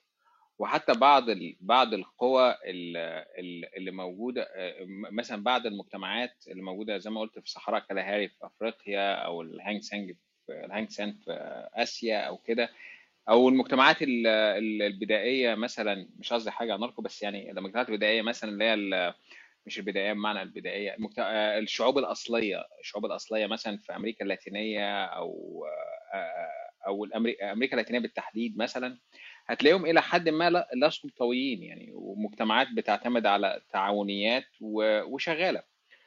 آه، ونك وما عندهاش مشاكل حتى الآن. بس هل ده ممكن تطبيقه وسط مجتمعات ودولة أكبر؟ يعني أناركو. هو أنا عارف السؤال كبير شوية. بمعنى أنت عندك دولة معقدة آه، صادرات وواردات وكلام زي كده صادرات وواردات واقتصاد وتعليم وصحة والكلام ده. آه، آه، كده بقى عايزين نخش في ده السؤال اللي هو أعتقد بتاع مش دقيل الأساسي اللي هو إزاي هتتصرف كدولة في صحة تعليم سجن مثلا حاجة زي كده يعني عقوبات آه، الأشياء دي هل ممكن في مجتمع هل ممكن في مجتمع متطور بالشكل الحالي؟ هل ممكن نوصل إن المجتمع هل في إجابة من المجتمع ال- من اللاسلطوية على أسئلة المجتمع الحالي؟ آه آه، في في كل الإجابات. أنت خلصت ولا لا اتفضل لا اتفضل اتفضل. تمام هو أنا مش أنا الانتقاد بال بال بال إن ده آه، آه، آه، شكل من أشكال ال- التنظيم القبلي ده أنا أنا ده ما مفهموش بصراحة بعد الشرح الكتير. حاولت حاولت وأنا بس عشان بس اقرب مش مش ليك أنت. أقول قبل أنا أنا عارف إن أنت مش عليك أنت يا ليبيني أنا أنت بتصيغ أسئلة شائعة غالبا يعني. آه، فخلينا خلينا مش مش رد عليك أنت يا ليبيني أنا ردي على على على طرح السؤال ده تحديدا ومن من كتير قوي من ال- الماركسيين هم تقريبا اللي بيسأل السؤال اللي بيسأل السؤال ده هو ما يعرفش يعني إيه أصلا نظام قبلي to be honest هو نظام قبلي هو نظام سلطوي محض. تتمثل فيه السلطة في في في في كبير القبيلة أو شيخ القبيلة. وتحتيه طبقة من النبلاء. اللي هم منتفعين الأوائل. وبيوصل في عبيد. ففي طبقات أساسا في النظام القبلي. فده مش عارف إزاي بيطرح بيضرب بيه مثال على إن هو انتقاد للأناركية. وده ملوش علاقة بالأناركية أصلا من قريب ولا من بعيد. النقطة الثانية هل هي مطبقة على أرض الواقع؟ هي مطبقة على أرض الواقع وقلت ده بدل مرة ألف ونقدر الناس تدور عليه الإقليم المكسيكي الحر في جنوب المكسيك مستقل عن حكم المكسيك بقاله 39 سنة وال- وبقى لهم سنتين وشوية ال- ال- ال- الأمم المتحدة معترفة بيهم إن هم إقليم مستقل عن حكم المكسيك تماما ولهم ثلاث سنين عاملين وقف إطلاق نار وخلاص تم الاعتراف بيه رسميا هل بتج... بتجاوب على الأسئلة المعاصرة؟ إيه هي الأسئلة المعاصرة؟ من ناحية الجريمة والعقاب؟ طيب من ناحية الجريمة والعقاب الموضوع ده كبير جدا قوي تأصيل بقى للنفس البشرية والعقد الاجتماعي لجان جاك روسو و... وكلام كتير من المناظرين على هي ما طبيعة النفس البشرية. بس ممكن أقول باختصار كده خفيف بأن الأناركية تهدف في المقام الأول في, في منع الجريمة عن طريق تجفيف منابعها وليس ال... ال... ال... القانون الرادع وليس العقاب الرادع اللي هو بيت... بي... بي... بيوصل لبعض الأحيان إلى الانتقام وليس العقاب. وهنا في شتان يعني هم في مفارقة كبيرة أو في فرق كبير قوي ما بين العقاب والانتقام. العقاب هنا بيكون للإصلاح وللتأهيل طبعا مش شعارات ولخدمة المجتمع. الانتقام بيكون للردع عشان نضرب المربوط يخاف السايب. وده نظام الدولة. لكن ال- ال- الأناركية ما بتقولش كده. ما بتقولش إن أنا عاقب بانتقام أ- أ- أسلب حرية الناس بإن أنا أ- أنهي حياتهم أيا كانت الجريمة. لأن دي حق مكت... حق طبيعي ما ينفعش حد ينازعك فيه. العقاب بيكون للتأهيل بقى. طب أنا دلوقتي عندي مجرم هعمل معاه إيه؟ قبل وجففت منابع الجريمة عندي سببين للجريمة. يا الاحتياج يا الخلل. طب أنا ما فيش احتياج. طب في خلل. طب لا في احتياج ولا في خلل مع إن ده ما ينفعش مستحيل. ما فيش احتياج للسرقه وما فيش خلل نفسي للسرقه طب يسرق ليه؟ فضوى كلاحة طب هعاقبه كلاحه يا عم هو سرق كلاحه رخامة هعاقبه بت- بتزويد ال- أو بمضاعفة الخدمة المجتمعية للمجتمع وبسلب بعض الامتيازات منه كفرد في المجتمع بتقليل من من ساعات ال- ال- الترفيه المجتمعية مثلا ومضاعفة العمل الجماعي ال- العمل الخد- خدمي للمجتمع. طب كررها تاني يضاعف تاني طب كررها تاني ينبذ بره المجتمع يطرد خارج المجتمع. هو كده مش اشتراكي تحرري هو كده مش اناركي لأن كثرة الجريمة الجريمة هي السم هي الآفة الوحيدة في المجتمع الأناركي. فمكافحتها هي المقام الأول المك... ال- ال- المهتمين بيه الأناركيين كلهم. وعن طريق تجفيف منابعها وليس عن طريق الق- ال- القانون الرادع. أتمنى أكون رديت الفيديو لا انتقادي بقى. في في انتقادي بقى. سيبني. أوكي. الأممية. وهنا يتجلى البطش ويتجلى الفجر حرفيا. إن أنا دلوقتي بقول إن ال... أنا هدعم الثورات في الدول المجاورة عشان نبقى كلنا ماركسيين ونبقى كلنا اشتراكيين ويا- و- وعمال العالم اتحدوا الحقيقة إن يا عمال العالم اتحدوا ده أصلا في تسلط في ممارسة يا سيدي العمال مش عايزين يا سيدي العمال مرتاحين تحت الراسماليه أنت مالك؟ أساسا. آه أنت المفروض تنشر وعي بينهم. بس هل ده معناه إنك تتوغل داخلهم وتفتح الدولة دي ويلا يا جماعة أنا هطبق الاشتراكات ده قمة البطش. ممكن ترد ريبيدي أنا صوتي كان مسموع ولا صوت قطع عندي ولا إيه؟ هو قطع لمدة ثانية بس كمل كمل. لا أنا خلصت خلاص. هو خلاص.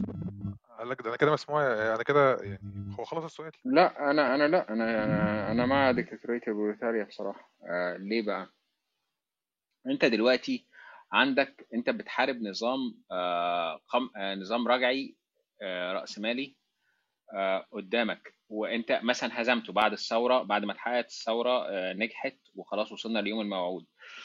فدلوقتي انت هيبقى عندك قوة ن- نظام رجعي وهتبقى مدعومة بأنظمة آه، رجعية موجودة خارج البلد.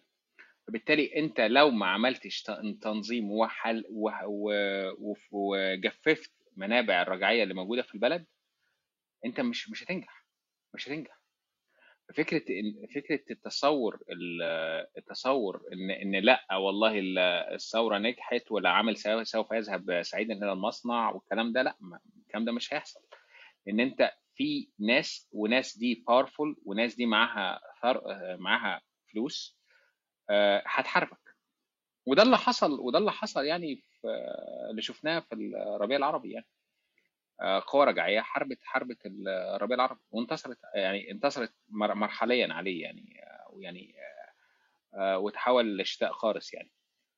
فدلوقتي أنا لو أنا لو أنا لو ما عملتش أنا لو ما عملتش حزب ثوري وما عملتش آه، تنظيم آه، نقابي قوي يجيب حق العمال لا أنا في الحالة دي آه، العمال دي حقهم هيضيع وفي نفس الوقت ال- هتحصل ثورة مضادة والثورة المضاده دي هتجيلي بوجوه مختلفة رجال ممكن رجال أعمال مختلفين مختلفين وهيبقى ثورة اتهزمت وثورة ما تم. فانا بصراحة لا أنا أنا رقم بختلف معاك في النقطة دي. لا أنا مع ديكتاتورية البروليتاريا ان انت ما عندكش option تاني. آه، ال ال الكلام بتاعك حلو بس أنا حتى الآن آه، شايفه آه، مش عايز أقول رومانسي أو حالم بس آه، هنتكلم على موضوع التطبيق وفي إزاي هي- يتم تطبيقه مثلا. آه، بس بس ممكن إحنا ممكن نخش في الحاجات التقيلة بقى يعني ممكن نبدأ نخش كل واحد ينقد الطرح التاني وبعد كده نفتح المشاركات وربنا يولي من يصلح.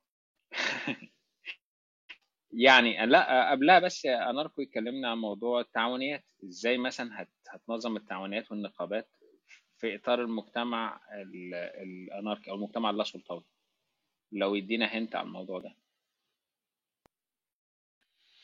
طيب تاني أنا أنا دي من الحاجات اللي قلت لكم مش عارف أتكلم فيها لأنها طويلة قوي بس ممكن ندي هنت آه مش مش هعرف أتكلم فيها إن إن يعني مش مفيش تستعمل وقت بصراحة. محتاجه شرح كتير. التعاونيات أنت أنت كده كده قوي قوي عندك آه ف- آه بالظبط. قول- ف- طب أنت عايز عايز يعني. عايز تفهم إيه عن التعاونات والنقابات اللي بيدي وأنا أقول لك؟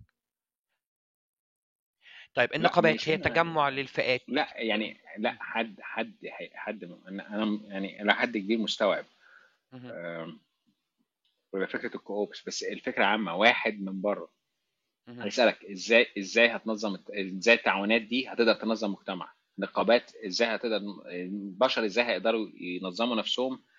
يعني مثلا أنت اتكلمت على الإقليم اللي في المكسيك مثلا أو كريستيانيا اللي في الدنمارك. أو هات ريفر اللي في أستراليا أو في مجتمعات فعلا كده في دول في دول متقدمة أو دول عالم أول ودول عالم تاني. طيب دلوقتي انت إزاي هتقدر تنظم إزاي هتقدر تنظم مجتمع بالشكل ده؟ الاقتصاد بتاعه هيمشي انت. انت الفكرة الأساسية هي التعاونيات أو الكوبس. إزاي التعاونيات دي هتقدر تقوم بالمجتمع؟ أنا أنا قلت لبيدي طيب إيه من ناحية بص هي إيه أصلا دور التعاونيات وال... والنقابات؟ هي تلبية حاجاته وتنظيمه الداخلي. طيب تلبية حاجاته عن طريق إيه؟ عن طريق جزئين جزء النقابة اللي هو مثلا بيجتمع فيه آه، هي النقابة دي هو التشكيل كده أو تجميعة أو مكان بيجتمع فيه أو هيئة بتجتمع فيها أصحاب الفئات أو أصحاب الحرف أو المهن الواحدة. ليه؟ عشان يكون ليهم ممثلين بيتم انتخابهم دوريا عشان يتكلموا فيهم مع باسمهم مع المجتمع. إن إحنا مثلا المجتمع السنة دي أو التواصل بينهم وبين المجتمع. المجتمع السنة دي عايز من المزارعين إن إحنا نكثف أكتر في القمح في الزراعة. المجتمع محتاج قمح السنة دي أكتر لأن السنة اللي فاتت كان في قصور في القمح فاضطرينا نستورد قمح مثلا من الكوميون اللي جنبينا أو المجتمع اللي جنبنا. فإذا إحنا محتاجين ندير ده. طب التعاونيات بتعمل إيه؟ بتاخد القمح ده تديه للمواطنين. ده كده raw أنا بتكلم في في مفهوم مجرد تماما كده بالهجايس. طب إيه تاني من التعاونات بتعمله؟ التعاونيات مثلا بتعمل بتنظم التعليم بتنظم الصحة. إزاي بت- بتكفل حق التعليم لكل مواطن وكل أو لكل فرد في المجتمع والصحة لكل فرد في المجتمع؟ إيه يعني إيه بتعمله إزاي يعني؟ okay يعني بت- بتصيغ ال ال ال ال- المناهج بتو بتوجه ال ال الأطفال دي لاكتشاف مواهبهم. بتوجه جزء من من من التعليم الصناعي مثلا لتلبية احتياج المجتمع صناعيا وتلبية احتياج المجتمع زراعيا وبتنمي عنده الجزء ده. فهو الموضوع إدارة داخلية يعني ما فيش ما فيش نقدر نقول مثال نموذج في إطار لشكل التعاونيات اللي يمكن تعميمه على كل المجتمعات لأن كل مجتمع وله احتياجاته. الفكر التعاوني أصلا زي ال- ال- الرفيق الله يرحمه يعني سامح حبود كان تعاوني اناركي بس تعاوني في المقام الأول. الفكر ده نفسه أنا عليا لي عندي ليه انتقادات لأن التعاونيات ما ينفعش تعمم ما ينفعش رأي فكرة التعاونية نفسها تكون كتالوج أطبقه على كل المجتمعات وده ما ينفعش. وحتى وكمان ال... ال... لأن كل مجتمع له احتياجاته وليه موارده اللي بيديرها لأن المجتمع الاناركي ده هي شوية ناس استولوا على قطعه ارض خدوها هي الأرض دي بتاعتنا يا جماعة وهنقيم عليها المجتمع الأناركي. فهم خاضعين لمواردها. فما ينفعش أطبقها بشكل متطابق بين المجتمعات كلهم. هو في إطار آه بي بي بيقول لك ال- التعاونات دي تشتغل إزاي؟ اللي هو بلا سلطة وعن طريق ال- الانتخاب المباشر لا سري وعن طريق ال- التواصل المباشر مع المجتمع وعن طريق تفتيت الطبقات ومفيش مفيش وسائل مفيش وسطاء لأن كده كده التعاونيات دي كلها افراد المجتمع مفيش فرد في المجتمع مش فرد في التعاونية. وهل ممكن حد يكون فرد في التعاونية أو في التعاونية وأكتر أو في نقابة وأكتر؟ آه صاحب حرفتين أو ثلاثة آه يقدر. طب وهيدير ده إزاي؟ هيأدي وظائفه بين الثلاثه دول؟ دي مهمة التعاونية مش النقابة. طب تاني. آه آه بالنسبة مثلا للشرطة مفيش شرطة. هل في تعاونيات أمن؟ آه في تعاونيات أمن. هل دورها قمع؟ لأ. هل دورها مثلا هي تمشي بالليل ها مين هناك؟ لا برضه. طب هل دول فئة مميزة عن المجتمع؟ لا لأن هم أفراد من المجتمع بيتم تغييرهم بشكل دوري. لأن ثبات الفرد في مكانه ينتج عنه سلطة بالضرورة. واحتكار للمعرفة في المكان ده خلاص بقى مكاني. فبقى بتاعي. وبقى بتاعي دي أي محاولة لأخدانه مني أنا هدافع عنه. مفيش ثبت تثبيت لفرد في مكانه. الحاجة التانية جيش. أنا هدافع إزاي مثلا عن أي اعتداء خارجي على أفراد المجتمع ده أو على المجتمع ده؟ أفراد المجتمع كلهم مسلحين. أفراد المجتمع كلهم أفراد جيش. مش جيش بمفهوم التنظيمي وده كان أكتر حاجة مؤرقة لحكومة المكسيك. مع الإقليم المكسيكي الحر إن هم ما بيواجهوش جيش نظامي. هم بيواجهوا أفراد مسلحين. عشان كده كانوا على مدار أكتر من 20 سنة طلع عينهم معاهم. وفي الآخر استقلوا الناس. لحد ما الحكومة المكسيكية هي اللي طالبت وقف إطلاق النار. فده بيكون أصلا وسيلة أقوى لحماية المجتمع مش الجيش النظامي والرتب وهكذا. لا مفيش ده. طب هل الت... الإدارة الداخلية بقى للمجتمع نفسه أقدر أقول بصوا يا جماعة الطريقة المثلى لإدارة المجتمع هل ده يوجد؟ لا يوجد. مفيش حاجة اسمها كده. كل مجتمع ليه طب طب مجتمع مسلم مثلا. هل الأناركيين دول خلاص هم بقوا مجتمع مسلم؟ اهو هم أصلا مسلمين. مش مجتمع مسلم هم مسلمين ديانتهم الإسلام وأناركيين. مش أناركية إسلامية لأ. هم لا سلطويين ومؤمنين مسلمين. هل ده يتعارض؟ لأ ما يتعارضش. خالص. هل ده طبق؟ لأ بصراحة. هل حصل على مر التاريخ إن أي مجتمع تحرري كان مؤمن؟ لأ ما حصلتش. بس هل ده في مانع إنه يحصل؟ لأ مفيش مانع برضه. لأن دي ممارسات فردية. وحتى لو كان الإسلام فيه هو دين جماعي بيجمعوا شعائر دينية آه، جماعية بتجمع الناس يوم الجمعة إن هم يصلوا بتجمع الناس في رمضان إن هم في وقت واحد ياكلوا بتجمع الناس بأعياد. هل ده مضاد للمجتمع؟ قطعا لأ مش مضاد للمجتمع بالعكس ده بيزيد الترابط. لأن الدين كعقد اجتماعي أساسا. فممكن أفراد المجتمع نفسهم يستغلوا أو ياخدوا مفهوم ال- الجريمة والعقاب الديني نفسه في التطويع. مع إن طبعا آه، مفهوم العقاب في ال- في ال- في الأديان مختلف. بس هم ممكن ي- يطوعوه لخدمة المجتمع. مع تجنب طبعا سلب الحريات والعقاب البدني.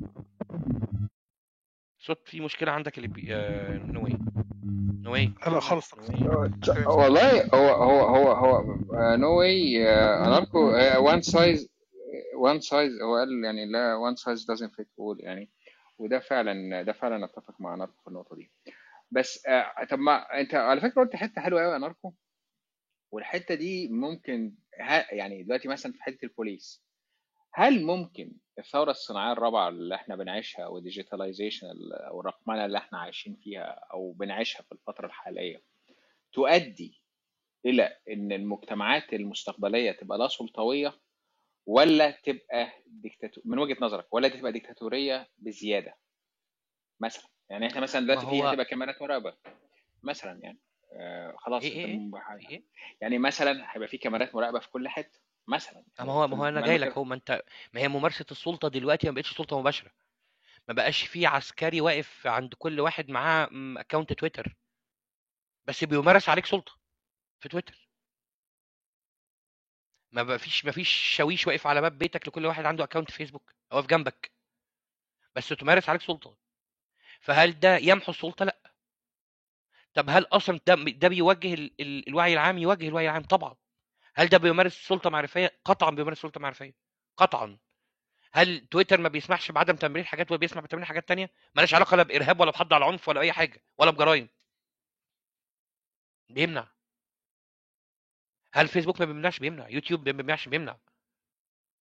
دي سلطة؟ طبعا سلطة. بالعكس ده أنا بشوف إنها أخطر. ونعم شومسكي اتكلم في الموضوع ده كان عنده فيديو تقريبا ثلاث ساعات. وقال إن السلطة الرقمية ما هي إلا أبشع أنواع السلطة.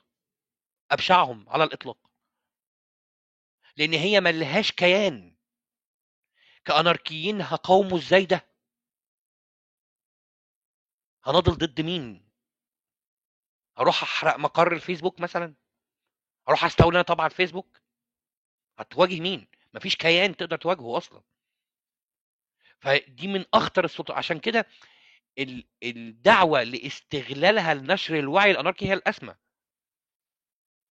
الدعوة إلى نشر الرغبة أو ال- ال- الاحتياج للثورات الطبقية هي الأسمى. أنا أستخدم الأداة اللي أناركو السلطه يا أناركو ما هي المشكلة العويصة اللي بنقع فيها. ما هو زي ما ال- زي ما وسائل التواصل الاجتماعي دي تستخدم لنشر أفكار تقدمية ما هو بت- ب- بيمارس ع- بتم- بت- بت- بتنشر أف- أفكار رجعية. أنت ما بيجيلكش مثلا رسائل استنى مثلا استنى اللي بيدي عشان أنا ما يعني قلتش ما إنها هو حاجات غوغائيه ما هي ممكن تستخدم يعني. لا بس معلش عشان في حد كده في حاجة مشيت نبرة الثقة لما وقال ما أصلا ما اتطبقتش قبل كده. لا أنا قلت ما اتطبقتش قبل كده إن أناركية مؤمنة مجتمع أناركي مؤمن ما اتطبقش قبل كده. بس الأناركية مطبقة دلوقتي. أنا قلت إنها ما اتطبقتش قبل كده كمجتمع أناركي مؤمن. مؤمن. ما تردش عشان ماشي okay I'm sorry مش هرد عشان. طيب آه، عشان بس لا عندك مشكلة حقيقية في الصوت يا ال mic ال mic عندك فيه خربشه طيب يعني كده هو كده كويس كده؟ لا مش لا لا. كده لا مش كويس لا. شيل السماعة نوي كده أعتقد أفضل صح؟ كتير. طيب. بشكل واضح بس ما, ما تردش على الناس اللي على الشات لأن هو أغلبهم بي- يعني يا إما الناس داخلة تتكلم فأنت في الآخر ممكن ترد عليهم ما تخليهمش يتوهوك يعني يمكن في الآخر خالص تبقى ترد okay عليهم. هم لو بس لما تسمح آه المشاركات يكون أفضل. آه ما طيب إحنا بص المفروض بص كده خلاص يعني أنا يا كده اللي بيدي اتنين آه آخر حاجة أنت ردها على على وبعد كده ممكن نطلع ناس. تمام. هو لا هو قال حاجة هو قال إن مثلا عشان الرسائل اللي بتجيلك عشان التصرفات الغوغائيه أو ال- التانية اللي بيدي هو ال- الفكرة مش في القمع الفكرة في الوعي. يعني لمقاومة الأفكار اللي شبه دي هو شيوع الوعي بين الناس. وهل شيوع الوعي بيجي بسلطة؟ لأ. ده من رأيي. أنا ال ال الوعي اللي بسلطة ده آه، مش وعي أصلا. ده توجيه وتحكم. لأن أنت ما تمتلكش حياة مطلقة. وما تمتلكش حرية الأفراد في تحقيق في في, في تحقيق مصائرهم. فانت بتقول لهم أنتوا الصح بالنسبة لكم إن أنتوا تبقوا ماركسيين دي سلطة. لكن الصح بالنسبة لهم إن هم يعوا بمشاكلهم آلية حلها بتاعتهم بقى. عشان كده الأناركيين في المقام الأول محرضين. محرضين للجماهير وللجموع على إن هم يدركوا مشاكلهم. وبيوريهم عدوهم مين؟ عدوهم مين؟ الدولة. ما بس. الماركسيين كده برضه نفس الحوار. ما هو ما هو أنا ما أنا عشان كده بقول لك إن الماركسية أصلا كنظرية آه، بصرف النظر عن الجانب السلطوي اللي تم ممارسته من من لينين قبل أي حد تاني. سواء بيان بيان التأسيس نفسه بتاع الحزب أو بال... اللي هو كان مخالف للمانيفستو أساسا. أصلا. بتاع فريدريك إنجلز وكارل ماركس. بس الاثنين كانوا أكاديميين. لينين عشان اللي اداله شرعية أقوى أو أو اداله خلينا نقول تبجيل عند ال... عند الماركسيين كتير إن هو الوحيد اللي كان ثائر. يعني فريدريك إنجلز وكارل ماركس كانوا أكاديميين قاعدين في المكاتب مكتبات. ما انخرطوش وسط جماهير. دي حقيقة ما ننكرهاش. لينين عامل عمل مصنع. ومن الطبقه الكادحه وثار ووصل للسلطة. فعشان كده ده اللي اداله عند الماركسيين قيمة. بس فلاديمير لينين فعليا من أخطر الدكتاتوريين اللي مروا على ج- ال- جم على مر التاريخ كله. والب... والحزب اللي هو هو المؤسس للدكتاتوريه البروليتاريا أساسا. وبيان التأسيس بتاع الحزب الشيوعي ال... ال... الحزب الأحمر نفسه ال- الحزب الشيوعي الثوري بيان التأسيس نفسه مضاد للمانيفستو إن هو أصل لمرحلة انتقالية اللي هنا هنصل في الآخر لتحقيق مطلب الأعظم اللي قاله كارل ماركس اللي هو تحلل الدولة عن طريق ديكتاتورية البروليتاريا اللي هو ودنك منين طيب؟ ده loop. بس أنا خلصت. تمام. كده الصوت أحسن؟ افضل كتير. okay. يا سلام. الحمد لله. طيب أنت عندك حاجة البدايه تقولها ولا خلاص لا. في كذا بس في أسئلة جت على ال back channel ممكن أقولها وبعد كده نطلع الناس. اللي حابب يطلع يعني. طيب السؤال جه آه طالب فيه شوية حاجات. من اناركو كان كان طالب منك إنك تعيد شرح موضوع العملة والاقتصاد والمعاملة؟ وبعدين في سؤال اللي بتاع إمتى هتفصل وإزاي هتفصل بين الماركسيه ورأس رأس رأس المال الدولة؟ زي ما حصل في الاتحاد السوفيتي؟ وتالت حاجة بتقول الاتنين بيقولوا الثورات للتعامل مع الدولة العميقة اللي هو في الأساس طبقة عاملة لكنها مؤيدة للسلطة أو رأسمالية بس. طب هو انت السؤال كان بالنسبة لي شرح النظرية الاقتصادية ال... ال... ال... الاشتراكيه فعلا مفهوم والاقتصاد السوق؟ والمعاملة. مظبوط. بجد فعلا؟ الناس بتعمل فيها PhD يا نهار أسود طيب خلاص طب okay لا على آه، على على الوش كده على الوش على الوش. أنا ممكن أرشح كتب. وبقى على الوش ممكن تبعت لي آه أسماء الكتب وأنا هبقى أحطها على القناة اللي فوق دي. عينيا. على الوش كده بالر... ال... ال... الاشتراكية هي نظرية اقتصادية زي ما اتفقنا. آه السوق عند ال... ال... الرأسماليين هو سوق احتكاري تنافسي احتكاري أو تنافسي نوعين. والاحتكاري ثلاث أنواع والتنافسي ستة. ده النيوريبريزم طيب ال- السوق عند ال ال ال الاشتراكية المفروض إن هو مقام في ال- اليهدف في المقام الأول مش الربح وهو تلبية الاحتياجات فقط. ده عند ال الأساس في الاشتراكية نفسها. سيبك من ال ال ال اللي الصين بتعمله إن الصين مش اشتراكية أصلا. بس هو الأساس في الاشتراكية هو عدم ال- ال- الرضوخ للربح وعدم ال ال- هد يعني عدم الوصول للربح. هو الوصول لتلبية الاحتياجات. ده المقام الأول للسوق الاشتراكي. إن المنتجات المقدمة في السوق هي لتلبية الاحتياجات وليس جني الاموال والثروات. العملة ولا القيمة أصلا بقى دي الأهم اللي بتحدد عليها مفهوم السوق والعملة. إيه هي القيمة؟ هو الشيء ذو قيمة. هل القيمة هنا في الندرة؟ بس لا. ما قيمة الذهب؟ ولا حاجة غير إنه نادر. ال- الألماظ إيه قيمته؟ غير إنه نادر ولا حاجة. هاكله؟ بلاش. هستخدمه في وسائل إنتاج؟ لا. هستخدمه في توليد طاقة؟ في محركات مصانع؟ لا. هستخدمه في إيه؟ في المنظرة. بس عشان كده ده احتكار من الطبقات ال ال البرج... ال ال ال المخملية البرجوازية ال ال ال أو الأرستقراطية المخملية للتباهي بيه بس. عشان كده الطبقة البرجوازية الراثه أو الكادحين بيشوفوه ذو قيمة كمان. وهو بلا قيمة. فمفهوم القيمة نفسه عند الأناركيين والاشتراك الاشتراكيين كلهم سواء سلطويين أو لا سلطويين مختلف تماما. المفهوم القيمه مش ندرة. مفهوم القيمه هو اللي بيساعد الإنسان على تلبية احتياجاته اللي بيساعد المنظومة المنظومة الصناعية كلها إنها تكتمل وتكمل انت. و... و... يعني تستمر في الإنتاج اللي بيساعد المجتمع على الترابط. ده مفهوم القيمة والقيمة السوقية كمان. وبناء عليه تأتي العملة. فمفهوم القيمة نفسه عند ال- ال- الاشتراكيين مختلف تماما عند مفهوم القيمة عند ال- ال- ال neoliberalism. و... وأنا عارف مين اللي سأل السؤال ده عشان أنا كنت سألته له قبل كده فمش هغششك. اقرأ يا مينا. اقرأ شوية يا اسطى. مش مينا. لله على المنويه والنعمة طيب ما مينا. sorry يا مينا. ماشي. لا لا لا طيب مش مينا. بالنسبة طيب لل آه رأس آه، في كان الدولة. في حد بس سأل حاجة عن سريعا كده آه، ورد انت ماشي يا ميدي بعد اتفضل. بيقول لك هو يعني إيه سلطة؟ انت عمال تقول السلطة السلطة السلطة ده مصطلح مبهم جدا. حاضر. السلطة ثلاث صور. سلطة امتلاك وسائل الانتاج سلطة العنف والسلطة المعرفية. هما ثلاث أنواع للسلطة. امتلاك وسائل الانتاج والسلطة العنف والسلطة المعرفية.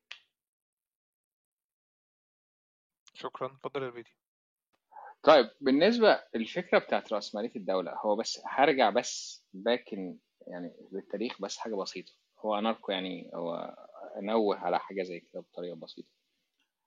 ال- الفكرة آه، آه، بين اللينية والماوية عشان هنوصل للاستلانية أو رأسمالية الدولة.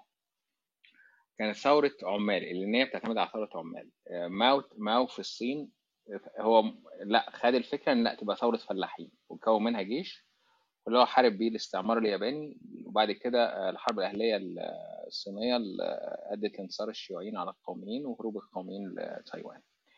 فكرة رأسمالية آه، طبعا آه، في انتقادات يسارية وماركسية كبيرة جدا للنظام السوفيتي مع إن النظام السوفيتي مع كل الانتقادات الماركسية واليسارية اللي ليه بس لا لا نغفل حقه إن ستالين حول دولة الاتحاد السوفيتي من دولة مثلا دولة عالم عاشر لدولة مثلا عملت سبوتنيك وصلت الفضاء دون أي تراكم رأسمالي أو إمبريالي مثلا. آه، هزم الجيش ال- الجيش ال ال ال ال الياباني هزم النازي.